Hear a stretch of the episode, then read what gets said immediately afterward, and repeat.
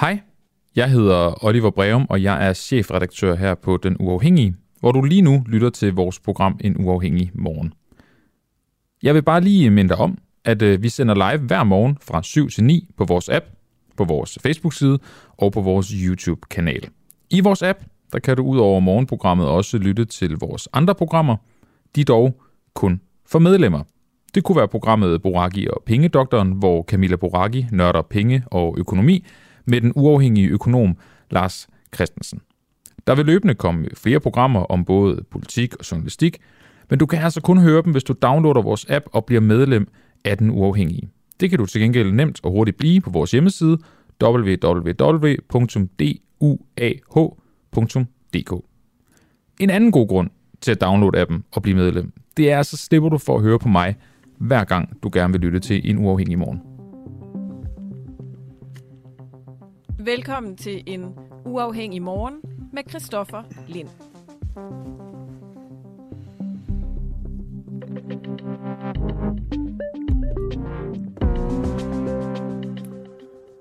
Torsdag den 20. oktober, og godmorgen til jer derude. Det er jo altid dejligt, når øh, vi sender live. Vi har mange lyttere, som øh, skriver ind. Lige skriver øh, godmorgen også fra i landet i, øh, i lytter. Vores gode øh, lytter Jakob Svendborg, han har det med at skrive Filippinerne. Det er dejligt eksotisk. Men altså, øh, godmorgen herfra. Det er blevet koldt. Mine fingre var ved at fryse af, da jeg cyklede øh, afsted i morges her i København i hvert fald.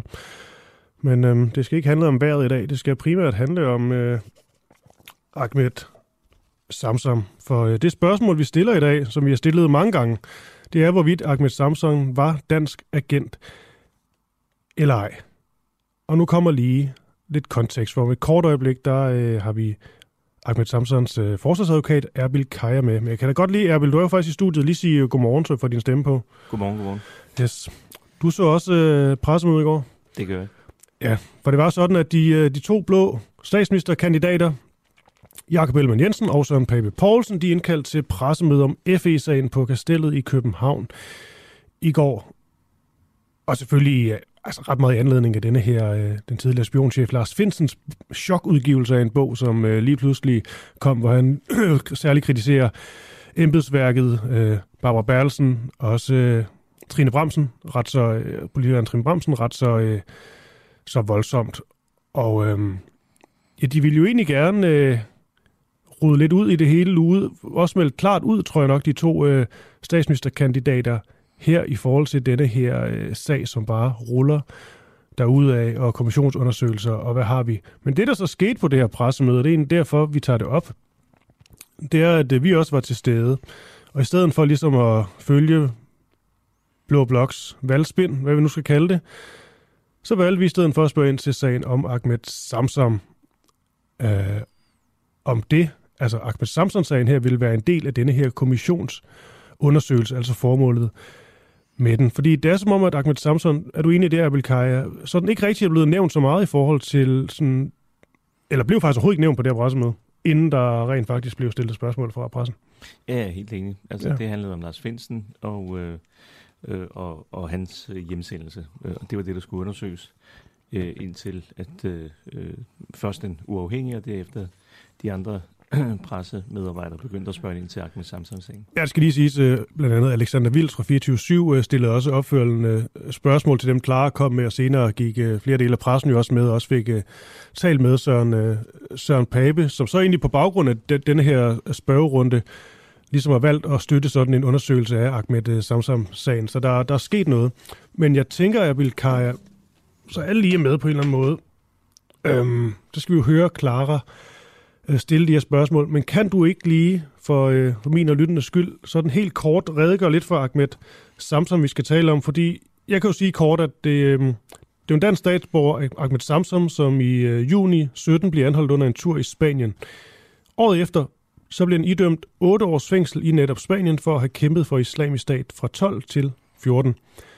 Så kommer det så frem, jeg tror det er DR's oplysninger det her, at Ahmed Samsom han var sendt ud og betalt af politiets efterretningstjeneste og forsvarets efterretningstjeneste under flere af de her rejser til Syrien, hvor målet ligesom var at indsamle informationer om danske syrienskrigere. Er det sådan kort fortalt lige der, hvor, hvor vi er? Og ja. så er debatten jo om, hvorvidt det er rigtigt eller forkert. Korrekt. Ja, fordi Ahmed Samson, han siger, ja, jeg var udsendt af PET og FE. Ja, det, altså han siger, at øh, i den periode, jeg blev dømt i Spanien, øh, der, der, det er jo en periode, der relaterer sig til øh, mit arbejde for PT og FE, og, og det er under deres vinger, jeg har været dernede. Øh, og, og det er også derfor, man fra spansk side beder Danmark om at bekræfte, hvorvidt det var rigtigt eller ej. Øh, og der kommer aldrig svar.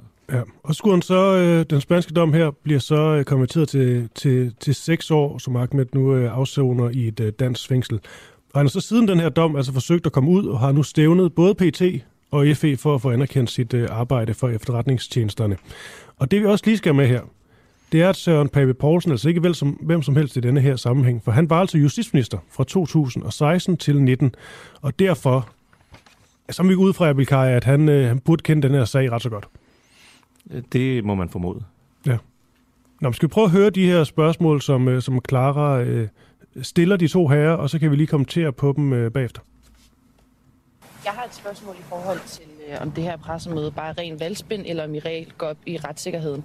Fordi en anden sag, som øh, også handler om retssikkerhed, er jo sagen om Ahmed Samsam, der sidder fængslet på 6. år. En sag, du i hvert fald kender, Søren Pape, fordi du var justitsminister på daværende tidspunkt. En sag, der også handler om hjemsendelsen, øh, eller der er indblandet hjemsendelsen, som I vil have undersøgt. Derfor vil jeg egentlig gerne høre, om I vil udlade øh, Ahmed Samson-sagen i den her undersøgelse, fordi den både trækker tråd til Søren Pape, som daværende justitsminister, men trækker også tråd til Venstre, som du står og repræsenterer her i dag, Jacob Ellemann. Altså det, som vi gerne vil undersøge nu her, jamen det er den hjemsendelse af medarbejdere, som fandt sted. Ahmed Samsam i den undersøgelse? Ikke hvis den har øh, noget at gøre med de her hjemsendelser, men det her er jo ikke en... Un- Pape, der skal undersøges. Man må ikke, må ikke forsøge at svare på de spørgsmål, du stiller, i stedet for at du afbryder mig hver eneste gang. Altså, jeg, jeg vil gerne... Øh, jeg synes, vi skal have undersøgt, hvad er det, der ligger til grund for de her hjemsendelser. Hvad har øh, hele øh, hvad er hele baggrunden for det været? Hvordan har man truffet den beslutning? Hvornår har man truffet den beslutning? Og hvis andre sager er relevante i forhold til at få det belyst, jamen, så må de andre sager være en del af det. Men, men altså, det her er jo ikke øh, noget, der handler om den sag isoleret set. Men vil, kan Søren Pape så sidde med i din regering? Nu siger du selv, når og i stedet for hvis du bliver statsminister, hvis han skal undersøges i forhold til hans rolle, samtidig med, at øh, Barbara Berlsen vel også kommer til at blive undersøgt, fordi hun var departementchef det gang i Justitsministeriet. Men, kan Søren Pape sidde i din regering, når du bliver Nu tager du for givet, at man kan blande de her sager sammen. Altså det, vi præsenterede i dag, det er jo lige præcis på baggrund af den bog, Lars Find... Jeg står lige sådan her, for jeg får solen lige i smasken. På baggrund af den uh, sag, Lars Finsen, øh, det han skriver om i, øh, i bogen. Og det er klart, der er noget her, der klart og tydeligt skal undersøges, og det er jo, det er jo den sag, vi skal få en dag nu. Hvad, hvad der må komme af andre ting, det må vi kigge på ligesom alle andre sager. Men jeg kan og det er det, det her handler om. Spørgsmålet før, som du ellers sagde, du ville, fordi kan forsvars, øh, kan øh, Søren Pape sidde i din regering, hvis han skal undersøges, og der rent faktisk rejser et spørgsmål, om han har kompromitteret Ahmed Samsons retssikkerhed? Jeg håber meget, at vi får et øh, borgerligt, liberalt flertal her om en 14. dag. Hvis han jeg, kan... håber, jeg håber meget, at vi får et borgerligt, liberalt flertal her om en 14 dages tid, når vi skal til valg. Det ved jeg. Og, og hvis, jamen, altså må jeg nu ikke få lov til at svare? Jo, men du start, hvis du bare siger ja eller nej til spørgsmålet, for Jamen, ved, jeg... gerne vil have en borgerlig regering, det tror jeg, at alle her godt er klar over. Det er også derfor, vi sikkert står her i dag. Men hvis der er en undersøgelse, der viser, at Søren Pape har kompromitteret retssikkerheden for Ahmed Samson, og der er en undersøgelse, der skal i gang, altså Ahmed Samsons retssag starter her om et år. Hvis der skal laves en undersøgelse inden, eller samtidig, som vi har sat i gang nu, kan han så sidde i din regering? Du spørger mig, om Søren Pape kan sidde i en regering, hvor jeg er statsminister. Og til det, der er svaret, ja, må jeg nu ikke få lov Nej, til at... det er ikke det, jeg spørger om. Jeg spørger om, om han kan, hvis der er der en undersøgelse, der viser, at han har kompromitteret retssikkerheden for Ahmed Samson. Jeg spørger, jeg er udmærket klar over, at han godt kan sidde i en, din regering. Det vil I gerne have. Men hvis der skal undersøges, hvad hans rolle har været i det her, kan han sidde i din regering? Jeg kommer ikke til at foregribe konklusionerne på hverken øh, den undersøgelse, som vi foreslår i dag, eller eventuelle andre undersøgelser, der måtte være. Og derfor så er det, jeg svarer på den måde, som jeg ønsker at svare, det håber jeg også, at du respekterer, øh, på dit spørgsmål og siger, at øh, hvis en af os to måtte blive statsminister, så kan vi godt være ministre i hinandens regering. Også. Og en undersøgelse, der ikke er nedsat om et emne, som øh, virker lidt diffust, det, det kommer jeg altså ikke til at, at forholde mig til, og det, det håber jeg... At, Men det er jo ikke diffust, fordi det er jo ikke diffust på nogen måde. Skal vi tage et sidste spørgsmål herovre? Ja, så vil Jakob Ellemann Jensen gerne videre til den næste spørger. Øhm, man kan jo selvfølgelig diskutere, om det er et diffust øh, spørgsmål, eller ej, om det er lidt af et, øh, et tænkt scenarie. Hvad tænker du, når du hører det her, Kaja? Altså, jeg synes ikke, det er diffust, øh, at vi har med en mand at gøre, som har kæmpet i statens tjeneste, eller som har været en del af noget i statens tjeneste, og har givet staten øh, og efterretningstjenesterne øh, værdifulde oplysninger, som potentielt kan have forhindret øh, terrorangreb i Danmark. Og som konsekvens af det øh, er blevet dømt seks års fængsel for terrorisme, og nu sidder øh, og afsoner på 6. år. Jeg kan ikke se, at det skulle være særlig diffus. Det er ekstremt konkret og, øh, og pinligt. Mm. Nu er du selvfølgelig øh, i kontakt med, med manden, vi, øh, vi, vi taler så meget om. Øhm, han findes jo, mand af kød og blod. Det er fordi, han er blevet så meget et fænomen, man næsten glemmer, det er også en virkelig person, der sidder derude. Øhm, I forhold til øh, Søren Pape Poulsen, der jo var justitsminister, har han sagt noget som helst om ham? Nej, Nej. overhovedet ikke. Nej. Ahmed Samsom her, da Lars Finsens bog, den, øh, den udkommer, har du været i kontakt med ham siden? Ja, det var jeg i går. Og det var jeg, for, fordi jeg sad og så øh, pressemøde live på tv. Og det tog jo en fuldstændig utrolig drejning. Øh, I hvert fald, hvis man er på, på Samsams hold, og hvis man er på øh, retssikkerhedens hold, kan man sige. Øh, så var det utroligt, det der skete øh, i går.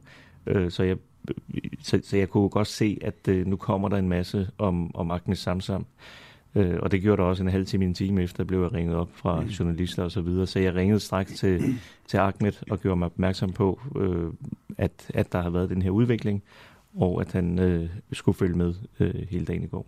Ja, og den her udvikling, øh, vi taler om, det er jo blandt andet, at, øh, at på baggrund af nogle af de spørgsmål, som vi på nu hængige stiller sammen med, øh, med andre fra pressen, som, øh, som også følger op selvfølgelig, Øhm, så er det, der ligesom bliver støttet sådan en undersøgelse af denne her Ahmed øh, Samsam-sag. Eller er der også mere i det end det? Er det? Var det noget, vi havde regnet med ville ske inden, eller er der sådan, sket der noget virkelig nyt i går egentlig? Det, det var jo ikke noget, vi nogen havde forventet mm. øh, i, i relation til, til Ahmed Samsam. Altså, det er jo, det er jo en helt... Øh, altså, vi kan jo dårligt tro vores egen held, hvis man kan sige det på den måde. Øh, nu, nu kan man sige, at sandheden vil altid komme for en dag, så, så det er vel ikke held med... Så nu var det så den her, det, det kom frem. Øh, så, øh, så, så det var ikke noget, der var fremme øh, før i går. Mm. Er der noget i det her, der trods alt også kan gøre, at du frygter, at Ahmed Samson måske ikke har så god en sag?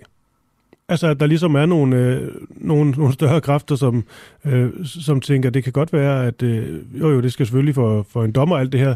Øh, det er jo et retssamfund, vi lever i. Men at han måske at der er ikke nogen, der sådan, trods alt er så bange for, hvad der kommer frem, fordi at sagen måske er meget, meget ren?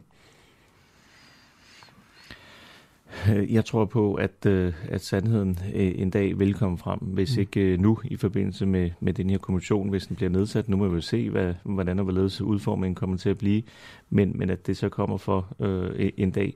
Fordi øh, det her, det er jo ikke noget, som nogen kan leve med. Øh, folk, der har den her viden, kan jo ikke leve med det, og det er derfor, vi har hørt om, at uh, der er en række kilder i FE og PET, der har været ude og snakke omkring den her sag, uh, og givet uh, særligt DR og, og Berlingske oplysninger. Vi ved også, uh, hvad pressen skal ud fra, hvad pressen skriver, at uh, en person fra efterretningstjenesterne er sigtet for uh, at have lægget de her oplysninger. Så, så det er jo et pres, der er uh, også indenfra, om at øh, det her, det kan vi simpelthen ikke leve med øh, dels på grund af efterretningstjenesternes ry og renommé øh, i forhold til retssamfundet, og, og den øh, rolle og opgave, som efterretningstjenesterne har, og den legitimitet, de må have, øh, så er der også stærke kræfter den, den anden vej, der søger sandheden. Mm. I forhold til det her spørgsmål om, hvorvidt Venstre og Søren øh, Pape vil udelukke Samsam-sagen fra den kommissionsundersøgelse, de kræver af denne her Finsen-sag, altså det ligesom var på, på talestolen for at tale om øh, i går. Hvad er det, du tænker der? Altså, egentlig ikke så meget, hvad de svarer, men mere i forhold til denne her øh, Samsung-sag, og så Finsen-sagen, som bliver undersøgt nu. Altså, hvordan kobler du de to, eller er det stadigvæk spekulation? Eller måske nærmest kan man koble dem? Det, det er svært at sige, men, men nu, jeg har jo også læst uh, Lars Finsens bog, og, mm. øh, og, og, og den er jo ikke særlig lang, øh, og meget af det handler også om hans liv, barndom og så videre. Øh, så så der, der er grænser for, hvor meget øh, han kan komme ind på. Men det, der selvfølgelig er bemærkelsesværdigt, det er, at øh, han nævner øh, det, det her samstød, han har med Barbara Bertelsen øh, i, i, i forhold til, i, ifølge DR's skiller i hvert fald, hvad de skriver, i forhold til lige præcis den her sag.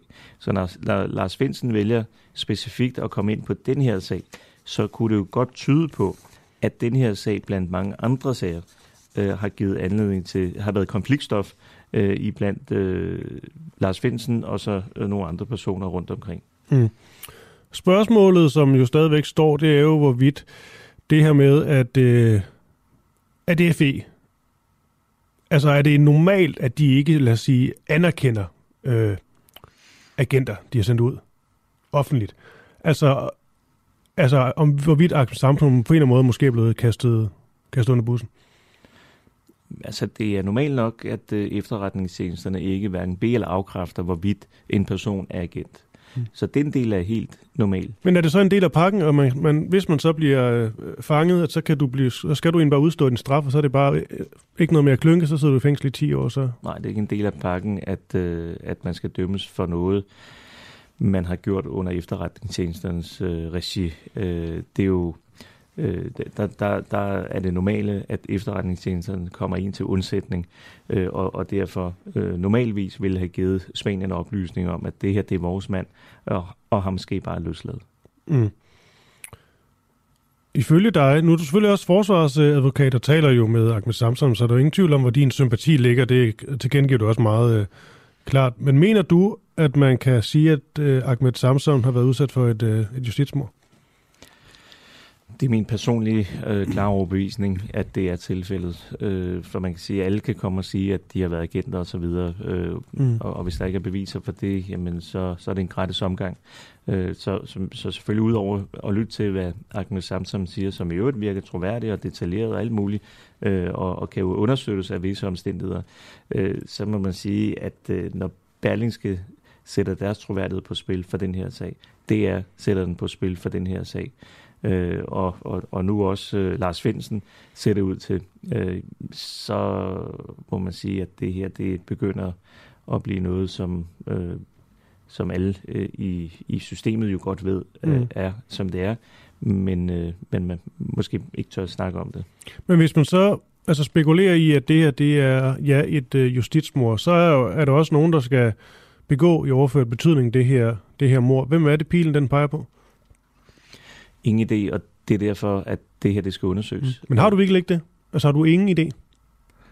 Overhovedet ingen idé. Altså, mm. man kan sige, at der er jo selvfølgelig øh, nogen i systemet, der bør vide noget, eller, og som sikkert også har haft en viden, og som burde reagere på det. Øh, men, men, men nu kan vi jo se, altså, at pilen, den kunne jo umiddelbart godt pege på, på Lars Finsen, alt andet lige, øh, set udefra. Men når man så læser det, som Lars Finsen skriver omkring det sammenstød, man har med en departementchef, øh, jamen så er han jo også underlagt visse regler, øh, som han jo heller ikke kan gå udenom. Så kan det være nogen, der har forhindret ham i at, at, at gøre sit arbejde. Mm. Så, så derfor er der nogle komplekse ting, øh, som, som jeg jo ikke kan spekulere i her.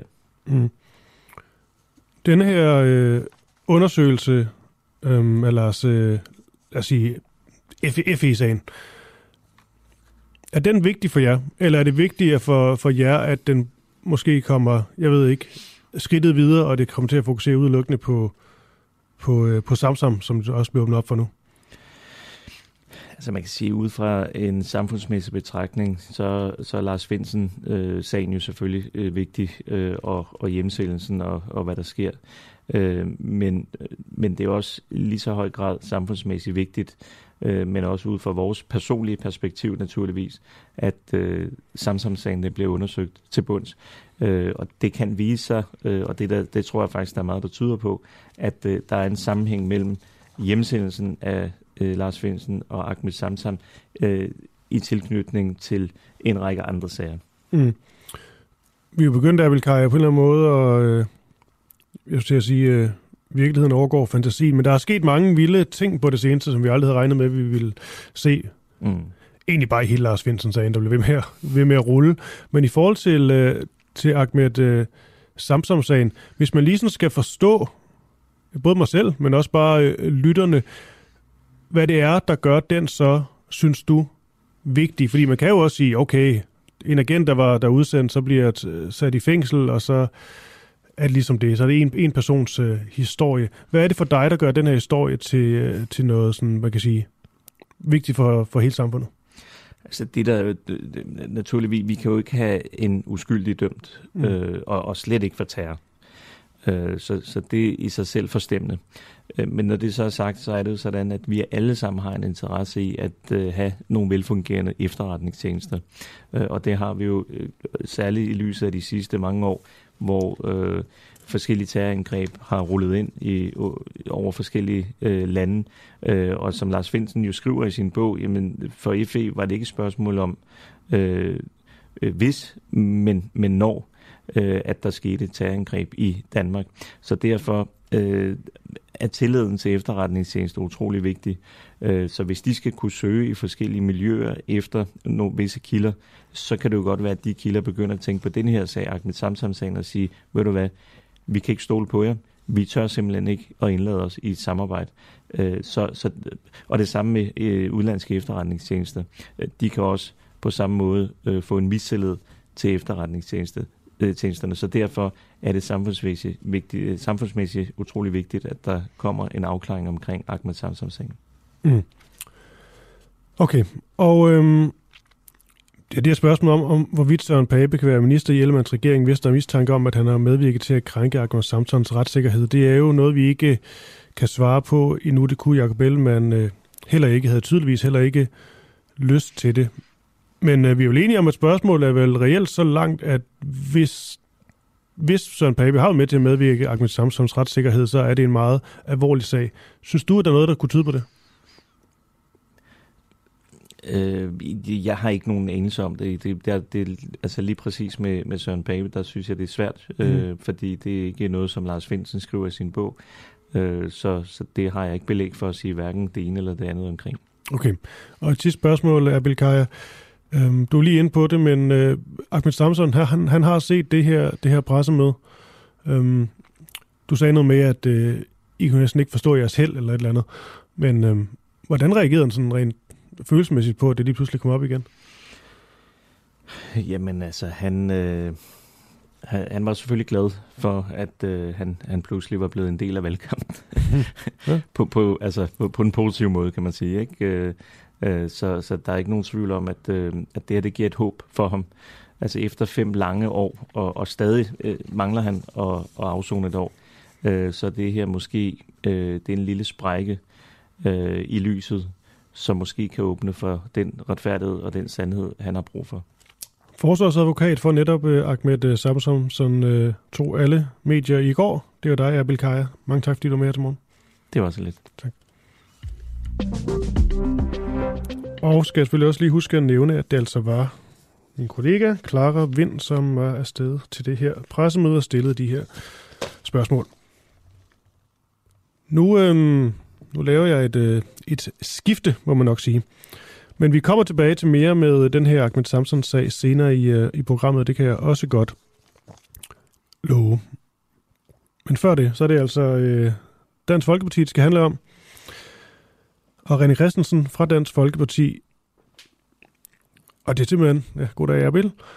Og øh, det er simpelthen i forhold til, hvorvidt Dansk Folkeparti er ved at være fortid i dansk politik. Der tikkede sådan en øh, meningsmåling ind for Voxmeter, og nu ved jeg godt, man skal tage sådan noget med et, øh, et græns salt. Det skal man virkelig. Men altså Dansk Folkeparti står ifølge den til 1,8 procent af stemmerne. Og hvis det her det holder, så er de altså ude af Folketinget ved det kommende valg. Og der har selvfølgelig været sorte sky over Dansk Folkeparti i, øh, i lang tid. Det hører ikke nogen hemmelighed, at mange nu har skiftet over til øh, Inger Støjberg. Men alligevel, tanken om, øh, at Dansk Folkeparti slet ikke kommer ind, jeg synes, er vild. Lad os også se, om vi kan få, øh, få René med. Jeg får at vide, at der er et eller andet lidt bøvlet med, med telefonen, så nu ser jeg lige på min, øh, min tekniker, der kommer løbende ind og gør et eller andet. Giver mig nogle papir. Hvorfor gør han det? Jeg giver nogle nyheder. Jeg har faktisk nyheder, der er lidt interessant her. Statens Serum Institut ligger inde med flere millioner ubrugelige coronavacciner. Hør lige det tal her. 2,2 millioner vacciner med, mod coronavirus har ligget så længe på et lager hos Statens Serum Institut, at de nu er ubrugelige. Det her det skriver Ritzau. Vaccinerne de blev indkøbt, da Danmark, ligesom mange andre lande, kæmpede om at få dem, få dem under covid-19-pandemien. Men vaccinerne de er ikke opdateret til at kunne modstå nye virusvarianter, og derfor så kan de ikke længere bruges. Derudover så ligger Statens Serum Institut inde med 3,6 millioner vacciner fra producenten Pfizer-BioNTech, som kun kan bruges til primærvaccination, som altså er de første to doser, man får sprøjtet i armen. De kan derfor i princippet bruges til folk, der ikke allerede er vaccineret. Det kan eksempelvis være folk, som kommer til Danmark fra udlandet. Og så til prisen. Prisen for indkøb af de 5,8 millioner doser vurderes at ligge et sted mellem 116 og 783 millioner kroner. Det er jo et ret stort spænd, var. Der er stor forskel på 100 og 700 millioner. Nå.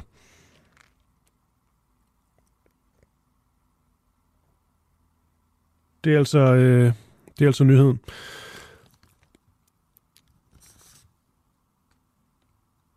Så er der øh, noget nyt her i forhold til, øh, til Søren Pape, som vi jo egentlig startede programmet med, men det handler sgu ikke handler om Ahmed Samson det hele. Her der står bare, Pape lover, ingen offentligt ansatte bliver fyret i de konservatives 2030-plan. Folk skal ikke fyres i det offentlige med konservatives 2030-plan. Der skal effekti- effektiveres i det offentlige ifølge konservativ.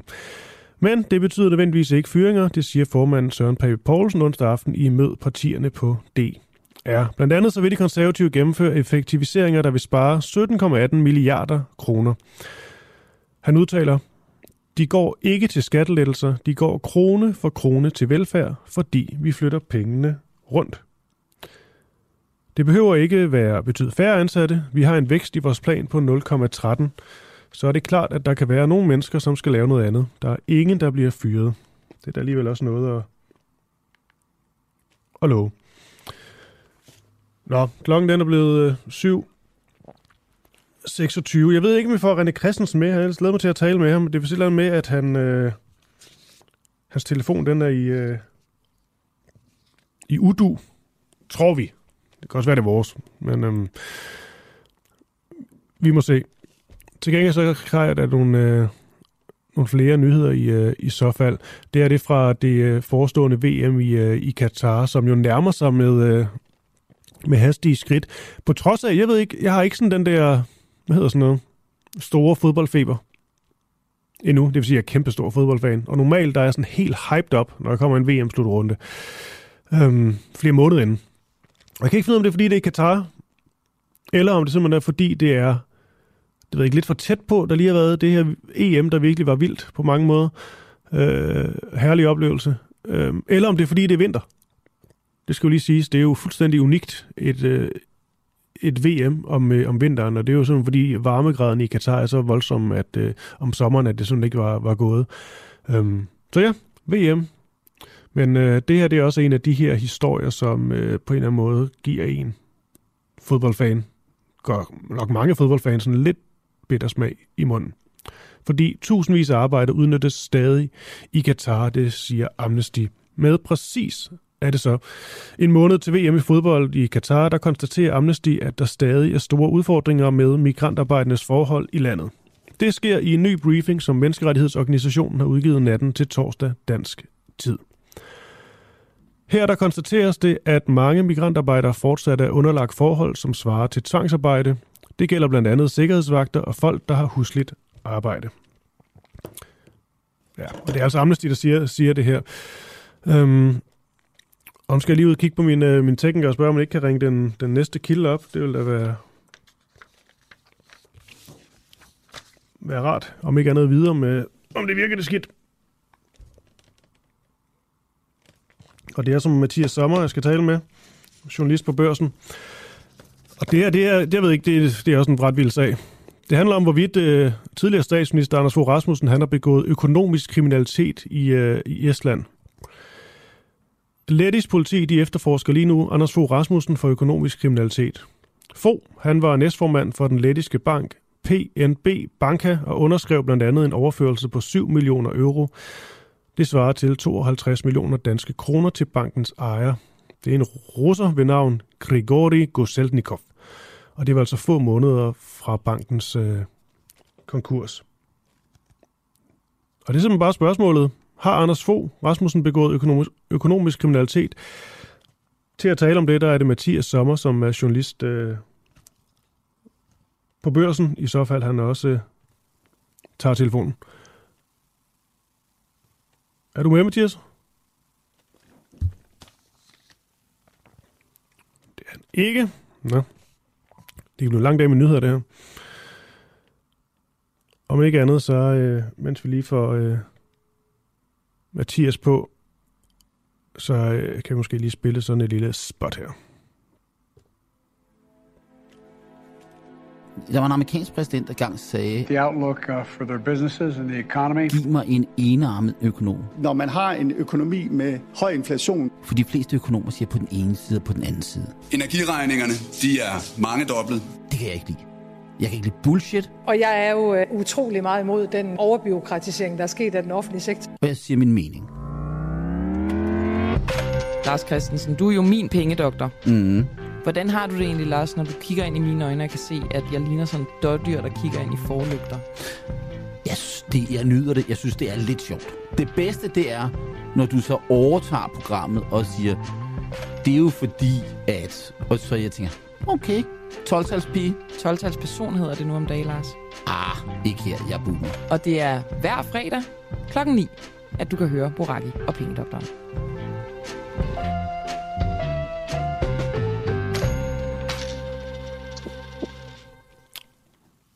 Mathias Sommer, er du med?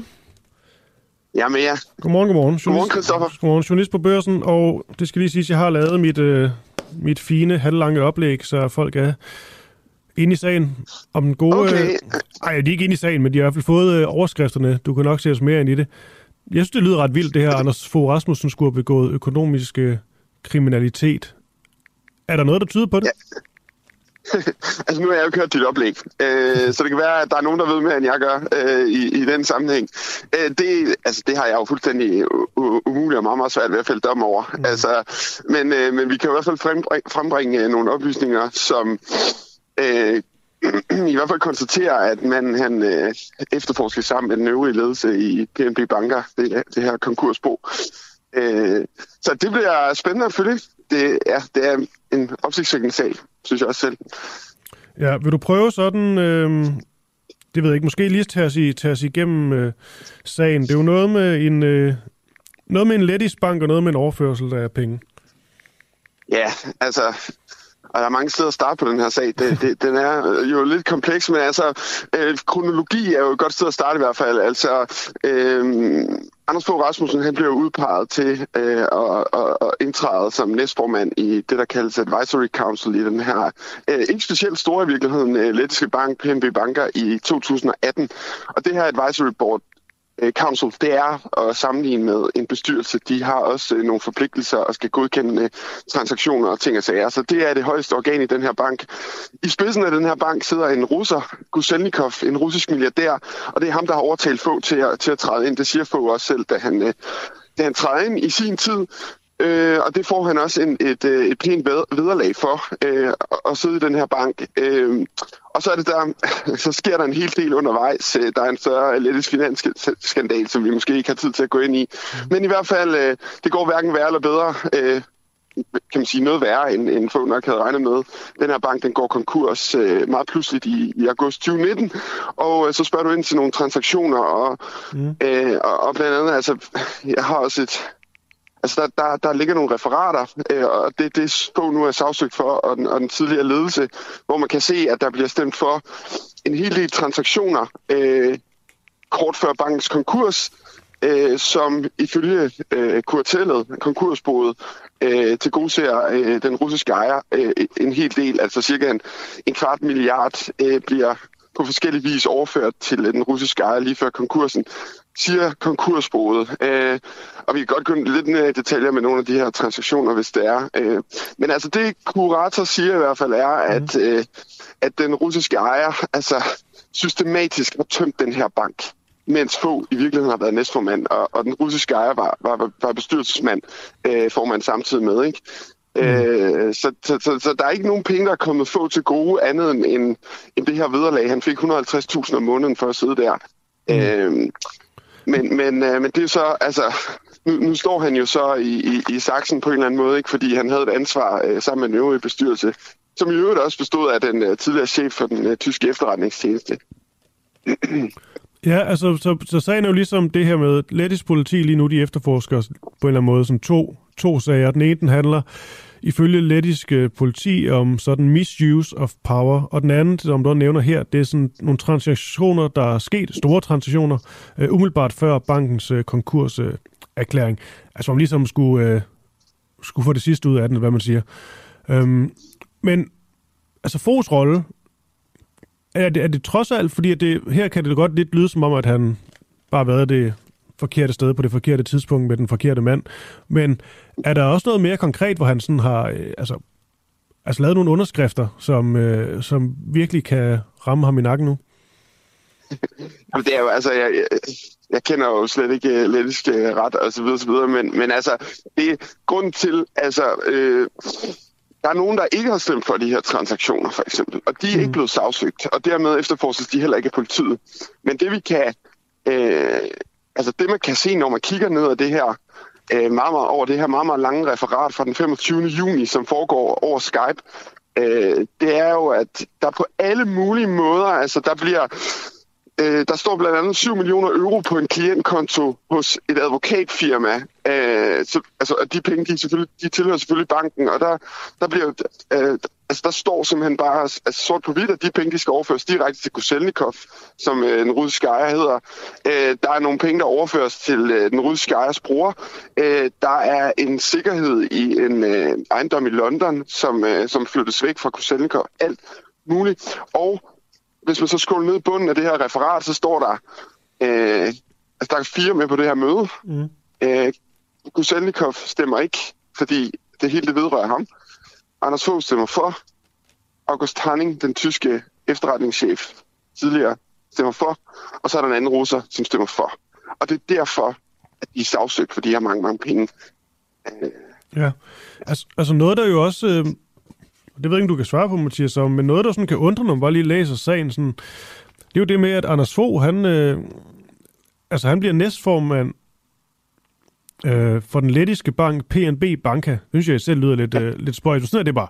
Øh, I 2018, og så kun øh, under et år efter, så går banken fuldstændig konkurs med et underskud på 1 milliard, 1 milliard kroner. Halvandet øhm, år efter. Ja, halvandet år efter. Okay, ja. men, men alligevel... I august 19. Det, det virker som, ja. en, som, en, uh, som en vild chance at tage. Altså, han må da have vidst, hvor skidt det stod til. Jamen, det er jo nok der, hvor man måske kunne tillade sig at kritisere ham lidt. Altså, ja. jeg skal jo ikke, øh, jeg skal også få med at, med at være dommer over det, men altså, jeg vil så sige, at den her PNB Banker, altså, nu har vi kigget lidt på den, og, og den har altså været rodet ind i, i, i lidt af hvert. Den havde meget, meget store engagementer i Rusland og Ukraine, øh, og jeg skal ikke gå for dybt ned i det, men i hvert fald, så, så fik banken en, en stor bøde for hvidvask, lige før få han træder ind i den her bank. Øh, og man skal måske også være sit ansvar bevidst, mm. når man, øh, når man tiltræder øh, sådan en lettisk bank. Altså, det var faktisk ECB, den europæiske centralbank, der væltede banken der i, i august 19. Øh, igen, øh, at det overhovedet var ECB, der skulle, øh, øh, der skulle føre tilsyn med den her bank, skyldes den her finansskandal, som jeg henviser til, som er lidt kompliceret. Mm. Øh, og de sagde, at den her bank den var nødlidende. Siden 2017 har den, har, den, øh, har den været nødlidende og ikke levet op til kapitalkravene i, i Letland. Og så kan man måske øh, udfordre på, på, på, om han lavede den, den, den tilstrækkelige due diligence, eller om den der øh, Lunds øh, månedlige øh, kød, der hang for øjnene af ham, om den var lidt for stor. Altså. Ja.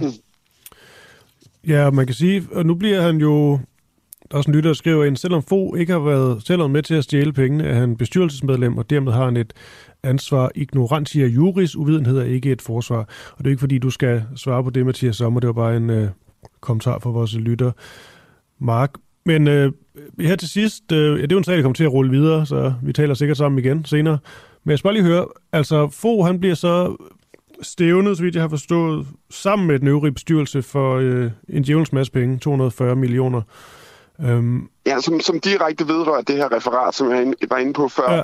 Og det er også primært det, efterforskningen kigger på, den, øh, den lettiske politi efterforskning. Øh, altså, man skal, man, man skal være meget... Øh, altså, det, det, det er meget interessant, det her, det her referat. Og, og det varede ikke særlig lang tid, og, og det kan jo godt gå hen og vise sig lidt skæbnesvangeren for få, ikke? Ja.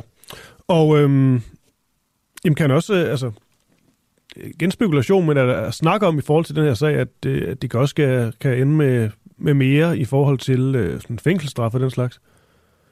Jamen, det, jeg har simpelthen ingen anelse. Altså, Nej, så skulle du ikke sige det. Det kunne godt være, at du havde sådan... Øh, Ja, jamen det, det er meget, meget lidt, jeg har fået ud. Det er meget lidt, jeg har fået ud af det her politi. Altså det, det, som, ja. det, som er virkelig interessant lige nu, og der, hvor der ligger en masse saft dokumenter, det er, øh, det er den her sag, som kører, øh, den kører ved lettiske domstol nu, ikke? Ja. hvor konkursboet vil have en, en kvart milliard ud af, ud af den tidligere ledelse her under få. Og der er de altså så langt, at de har sådan en indefrysningsordre fra en lettisk dommer, så de har forsøgt at indefryse Fås øh, aktiver i Danmark øh, altså hans hus i Næum ja. og hans ja. selskaber og hans lønkonto og alt muligt. Øh, det er ikke lykkes i Danmark, men det lykkes i Tyskland.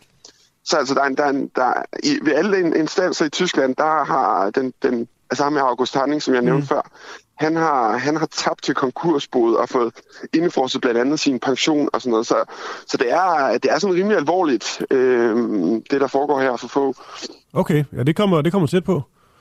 Nå, det er, jamen, det, ja. det er tæt på, ikke? Altså, de, mm. de, var, de gik i fodretten i Lyngby med, med krav om at indfryse 10 millioner af, af fås penge, og den har så kørt ved, ved alle retsinstanser. Blev først lige her for nylig øh, afvist ved, ved højesteret, og nu er, nu er de meget syge i Letland, fordi de mener, der er forskelsbehandling. Øh, altså, når en, en øh, europæisk dommer siger, at man må godt indfryse de her midler, og, og så de, de, de danske øh, domstol øh, øh, siger, nej, det må vi, må vi ikke, så, så er der jo et eller andet, øh, der er galt, kan man sige.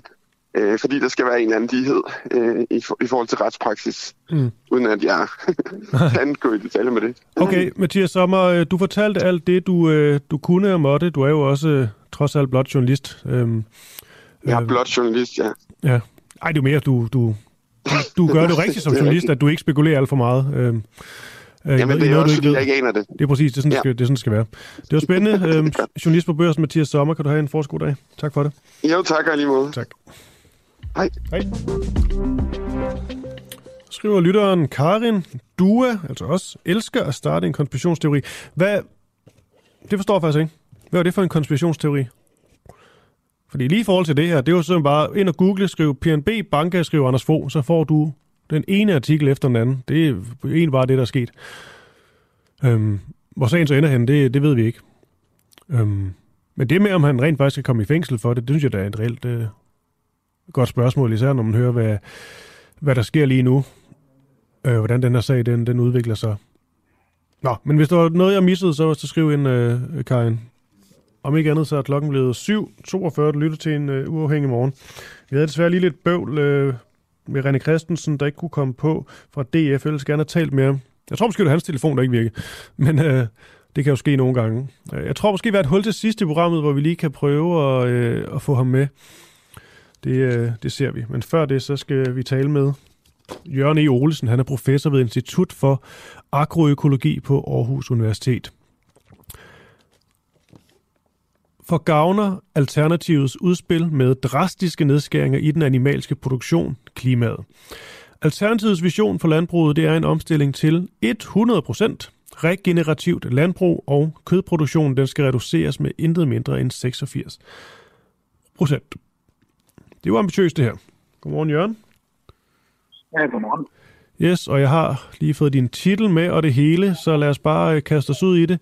Det her øh, forslag fra Alternativet, ifølge dig som øh, fagperson, vil det så bidrage med til at løse klimaproblemerne? Hvad vil lære tanken bag? Jamen, der er gode, mange ting af gode tanker øh, i oplæg. jo især, at øh, i virkeligheden, at vi skal til at spise mere øh, vegetarisk, øh, måske endda vegansk. Øh, det, det synes jeg, der er nogle gode tanker i. Mm. Øh, problemstillingen er bare, hvordan, man, øh, hvordan får man det til øh, at fungere. Øh, og, og der tror jeg så, øh, at det kommer ikke til at fungere på den måde, øh, som Alternativet lægger op, øh, op til det her. Fordi de siger jo, jamen det løser vi ved at ændre på produktionen i Danmark. Øh, det tror jeg så ikke på. Øh, Danmark er et øh, landbrugsland, som øh, eksporterer til verdensmarkederne faktisk øh, over det meste af verden. Øh, og det, derude er der jo stadig en fortsat stigende efterspørgsel efter animalske fødevarer, som dansk landbrug jo er nødt til så at øh, efterkomme, og faktisk øh, oftest med et lavere klimaaftryk øh, end øh, de andre steder, øh, hvor de markeder øh, for øh, animalske produkter fra. Øh, så, så hvis vi vælger at skære ned på produktionen herhjemme, mm. så er risikoen jo i virkeligheden den, øh, at øh, så skalerer man op øh, på den animalske produktion andet sted med et højere klimabelastning. Så er det i virkeligheden bedre at beholde kødproduktionen i, uh, her til lands, for ligesom at sikre... Ja, det, der, det, der, det, der, det, det, der skal til jo ikke, fordi det har jo en voldsom opgave, det det handler om at få landbruget til at, at blive både øh, ja. klimaneutralt, men samtidig at reducere miljøpåvirkning og påvirkning på biodiversitet og alt det andet, der også skal til. Og i sidste ende skal landbruget også fylde mindre øh, arealmæssigt på verdensplan. Så det er jo en voldsom, voldsom ting, der skal til. Øh, så det kræver massivt selvfølgelig med omstilling og omlægning, ikke kun i Danmark, men på hele øh, verdensplan. Det kræver udvikling af nye teknologier også, som faktisk øh, kan efterkomme den efterspørgsel, der så er efter både klimavenlige og sunde og hvad ved jeg, fødevarer. Øh, og det, det ser jeg desværre ikke noget om i øh, alternativt udspil. Nej, fordi man kan jo sige, det er jo, det er jo en pæn og god tanke, det her med, men, øh, og ligesom øh, måske altså, fjerne den, øh, den animalske produktion herhjemme, sende, men, det, men det kan også være lidt bare at sende, øh, meget groft sagt, sende lorten videre, fordi hvis, hvis man sender den videre til nogle lande, som ikke går, går så meget op i det her, så ja. Altså, hvis, hvis jeg skulle være pæn, ikke, så vil jeg sige, at den er fuld af, planen er fuld af mange smukke tanker, mm. men øh, også en dyb naivitet. Ja. Det var meget klart tale. Øhm, det her med øh, at lave om på, på landbruget, er det noget, altså kan man kun ved at lave om på landbruget ændre på danskernes øh, kødforbrug, tror du? Altså er det der, man skal sætte ind, eller er der nogle nej, helt andre nej, veje at gå? Nej, nej, nej. Vi, vi, vi, vi skal have nogle helt andre veje, både i Danmark øh, og på verdensplan, øh, som, jo, som jo handler om et ændring øh, i vores forbrugsmønster. Mm. Øh, og, og det tror jeg ikke på, øh, vi kommer til at få ved at lægge om på produktionen som sådan. Det er forbruget, vi skal have lagt om. Øh, og der er altså ikke en en-til-en øh, sammenhæng mellem, hvad vi producerer og hvad vi forbruger. Snarere er det måske omvendt, ikke? Øh, at øh, landbruget har en tendens til øh, at producere det, som efterspørgsel øh, betinger. Øh, selvfølgelig er, det, er der et samspil øh, ind i det der. Øh, men, men så er jo den, at, at det er globaliseret meget af det her. Øh, vi, øh, vi importerer også herhjemme rigtig store mængder fødevarer ud fra, også animalske faktisk. Øh, så det er jo øh, det her med at tro, at vi i et lille hjørne af verden kan løse tingene ved at producere anderledes. Mm. Det, øh, sådan hænger verden øh, ikke sammen. I hvert fald ikke den, vi har lige nu. Nej, men man kan jo så også sige, hvis man lige skal tage øh, Alternativets øh, side her, så kan man jo også sige, trods alt så et land som Danmark skal vel også være et, øh, et forgangsland, så hvis Danmark ligesom på en eller anden måde kan, kan, sætte, kan sætte kursen, så kunne det jo inspirere til andre. Korrekt, og, og det synes jeg, vi skal gøre øh, i, i, i stort omfang. Ikke? Og jeg, mm. der er også gode takter, øh, tænker jeg på efter, eller hvad hedder det, forbrugssiden i, øh, i hvad hedder det, øh, alternativt oplæg. Altså for eksempel det der med at sige, at øh, øh, offentlige måltider skal i udgangspunktet være vegetarisk, så kan man selv tilvælge øh, animalske øh, retter og fødevarer osv. Det er faktisk noget, vi allerede har indført på Aarhus Universitet øh, for, for de måltider, som, øh, som betales af universitetet. Så vi er der allerede. Mm. Øh, det, det tror jeg, øh, når sådan kunne man også tænke sig, sagtens tænke sig på private arbejdspladser og forskellige andre steder. Vi skal vi er nødt til at få skubbet på, øh, på den der retning, som handler øh, om forbrugssiden.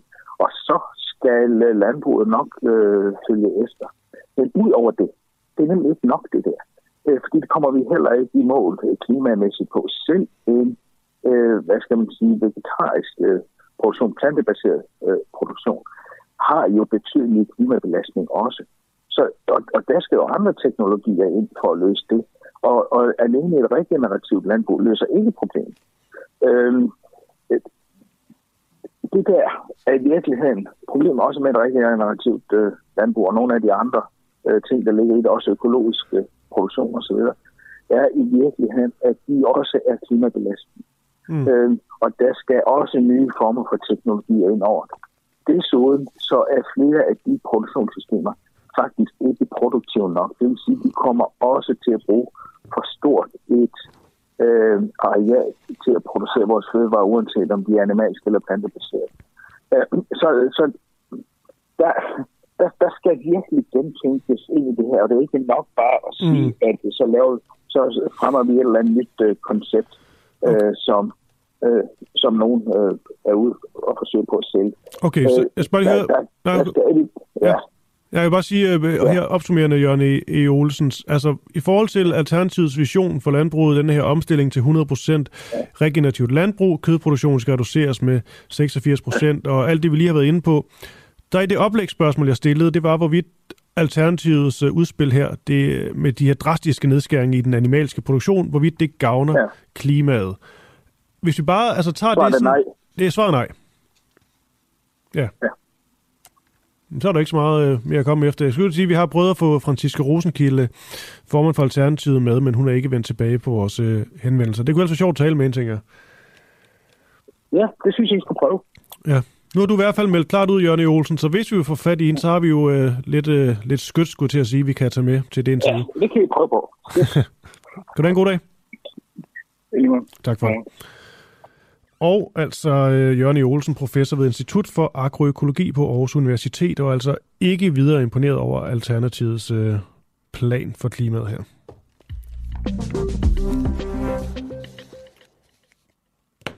Ja, ja, ja.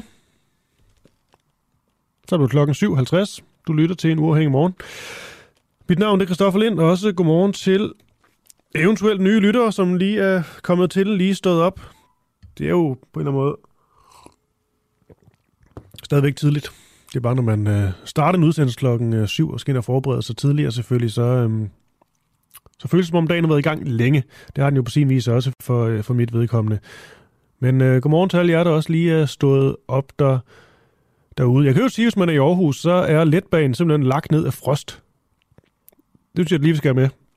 Det er ikke normalt, vi har de her sådan vejservice-meddelelser, men alligevel. Aarhus Letbane er ramt af aflysninger på grund af is på køreledningerne. Så øhm, hvis man er på de kanter, så skal man nok lige øh, tjekke op på, øh, på rejseplanen, hvor øh, man kan tage den fra, eller ikke kan tage den fra, eller om man skal med en eller anden. Hvad hedder det egentlig så? Ligesom hvis et tog er aflyst, så skal man med en togbus, som er en bare en bus, eller så en letbanebus. Jeg ved det ikke. Og så heller ikke noget... Mm, nu skal jeg se... Øh, det, undskyld, til at Det er fordi, jeg skal videre til... Øh, jeg skal videre til Eva Flyvholm, og jeg skulle bare se, at min tekniker skrev, der er et eller andet med, øh, med hendes telefon, der ikke lige funkede. Men nu tror jeg, at der er hul igennem. Eva Flyvholm, hun er forsvarsordfører for Enhedslisten. Og øh, det vi lige kan have med i forhold til, øh, til Enhedslisten, det er, at de gerne vil have sådan en undersøgelse af Ahmed Samsam-sagen. Den, som konservative nu også gerne vil have undersøgt. Altså, der er flertal for at lave denne her undersøgelse. Det skete jo ind på baggrund af vores gode kollega Clara Vind, som øhm, til det her øh, pressemøde om FE-sagen med Jakob Ellemann og Søren Pape begyndte at stille spørgsmål ind til denne her Ahmed Samsam-sag. Altså denne her danske spion, agent, kærbejen mange navne, som øh, angiveligt arbejdede for øh, PT og FE, øh, bliver så anholdt for at have begået, øh, eller øh, gjort klar til terrorhandlinger for, øh, for islamiske øh, stat i Spanien og sidder fængslet der. Men prøver så ligesom at bedyre sin, øh, sin uskyld, fordi at øh, ifølge Ahmed Samson, så var han jo øh, sendt fra, fra Danmark, altså under cover. Så det er en mærkelig sag. Han sidder stadigvæk fængslet, Ahmed Samsam. Den skal så rejses nu, denne her undersøgelse, om hvad der rent faktisk skete. Og måske så er der et link til den, og så Lars Finsen, FE-sagen. For han anklager, som i øvrigt anklager i sin bog, Trine Bramsen, for at sige, at jeg skal kunne tælle til 90 i forbindelse med sin, øh, sin hjemsendelse. Og det er jo en sådan sag en kort, altså Jakob Ellemann og Søren Pave, de stiller sig på talerstolen, fordi de lige fortæller, at de kræver altså en undersøgelse af hele sagen med Lars Finsen. Og det er ligesom i anledning af denne her bog, som øh, udkom. De vil have vendt hver eneste sten. Og det kan jo også være lidt fordi, at øh, Trine Bramsen, også Barbara Bertelsen, øh, måske samarbejde med Frederiksen, hvem nu kan være, kan se lidt skidt ud i denne her sag. Spørgsmålet er så bare, om øh, Ahmed Samsom-sagen også kan blandes ind i det her. Der er det jo en vigtig pointe, at øh, Søren Pape, da den her sag, den, øh, den udfolder sig, der er han altså justitsminister, så han burde altså om nogen vide noget om, hvad der skete og ikke skete. Nå. Eva, du med nu? Ja, jeg er med nu. Yes, godmorgen. Godmorgen. Øhm, I har, ja, ja, jeg er med. Jeg skulle bare lige øh, stille mit spørgsmål her. I har længe vil have en undersøgelse, altså enhedslisten, af denne her Samsam-sag, lad os, øh, lad os kalde den det. Har du lyst til at spekulere i, hvorfor konservativ først efter det her pressemøde i går ligesom meldt ud, at, øh, at Samsam-sagen skal indgå i undersøgelsen? Altså, hvad er de ventet på? Jamen, vi har jo øh, oplevet, at der ikke var særlig mange partier, der var villige til at kigge på den her sag, øh, og man kan sige, øh, at det er måske et forkert udtryk at bruge om Søren Pape, man kan få flætningerne i postkassen, men altså, øh, men, men det er jo noget af det, der er på spil, ikke? At det her det er en sag, der har udspillet sig både hen over den nuværende regering og den tidligere regering. Øh, at det kan da godt være, at han ikke har haft lyst til, at der skulle kigges på den. Øh, mm. Vi har efterlyst det i lang tid, fordi det virker sgu som noget underligt noget, hvis, øh, hvis, hvis efterretningstjenesterne de har en agent, øh, mm. som man sender ud på arbejde, og man så efterfølgende ligesom ikke vil kendes ved vedkommende, han ender med at sidde med fængsel i, i udlandet. Det er jo altså alle talt øh, noget rod, så det har vi jo gerne vil have kigget på.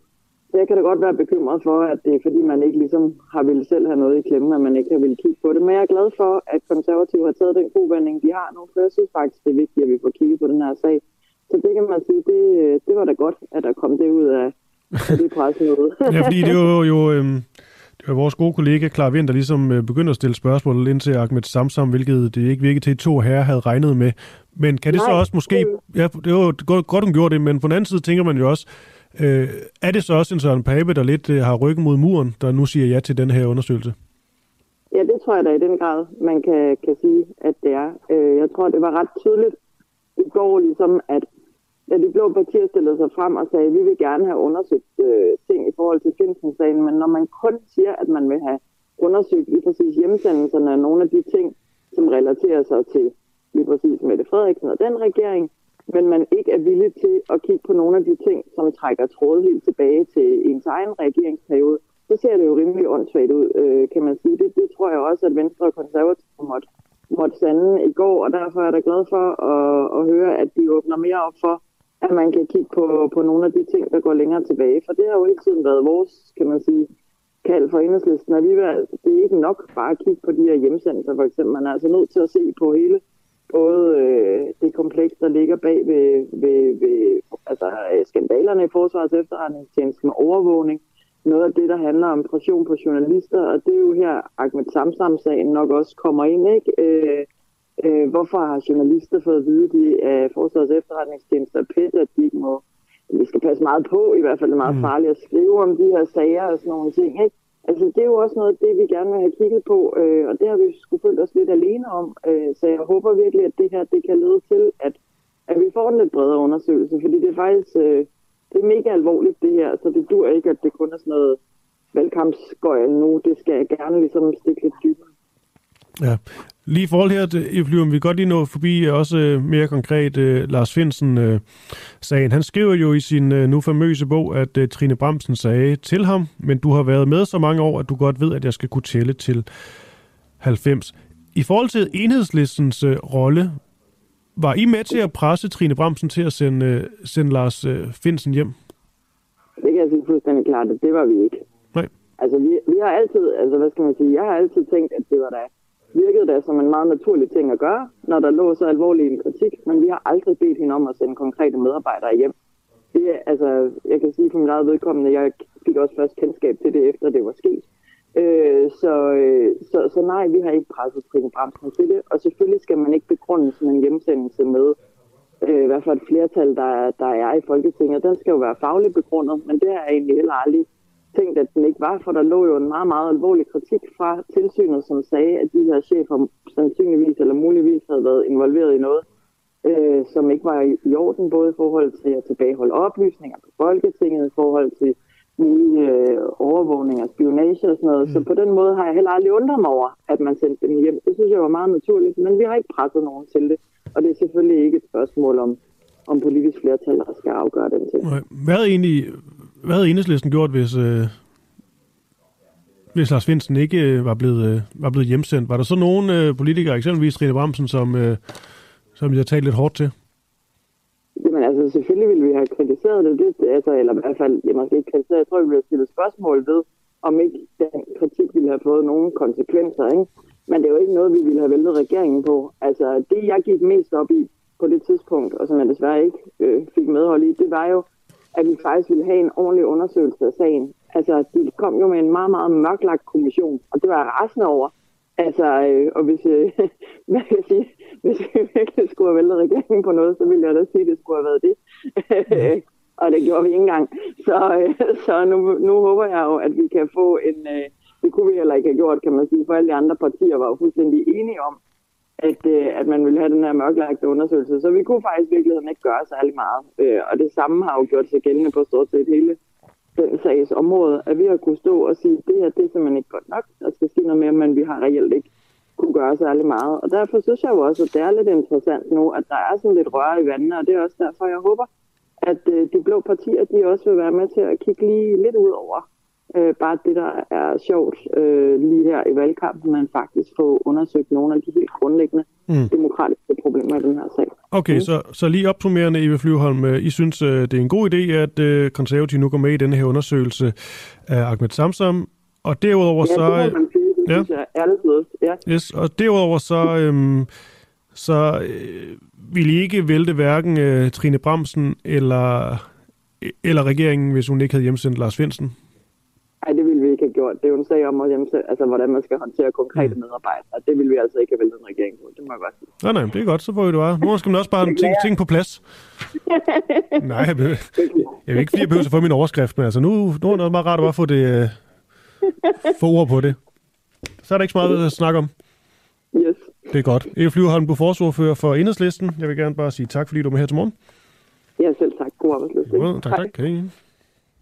Hej, Hej, du lytter til en uh, uafhængig morgen her på Den Uafhængige. Husk, at du også kan lytte med, når vi sender live hver morgen fra 7 til 9. Download vores app, tryk play. Det er helt gratis. Så er klokken 8. Ja.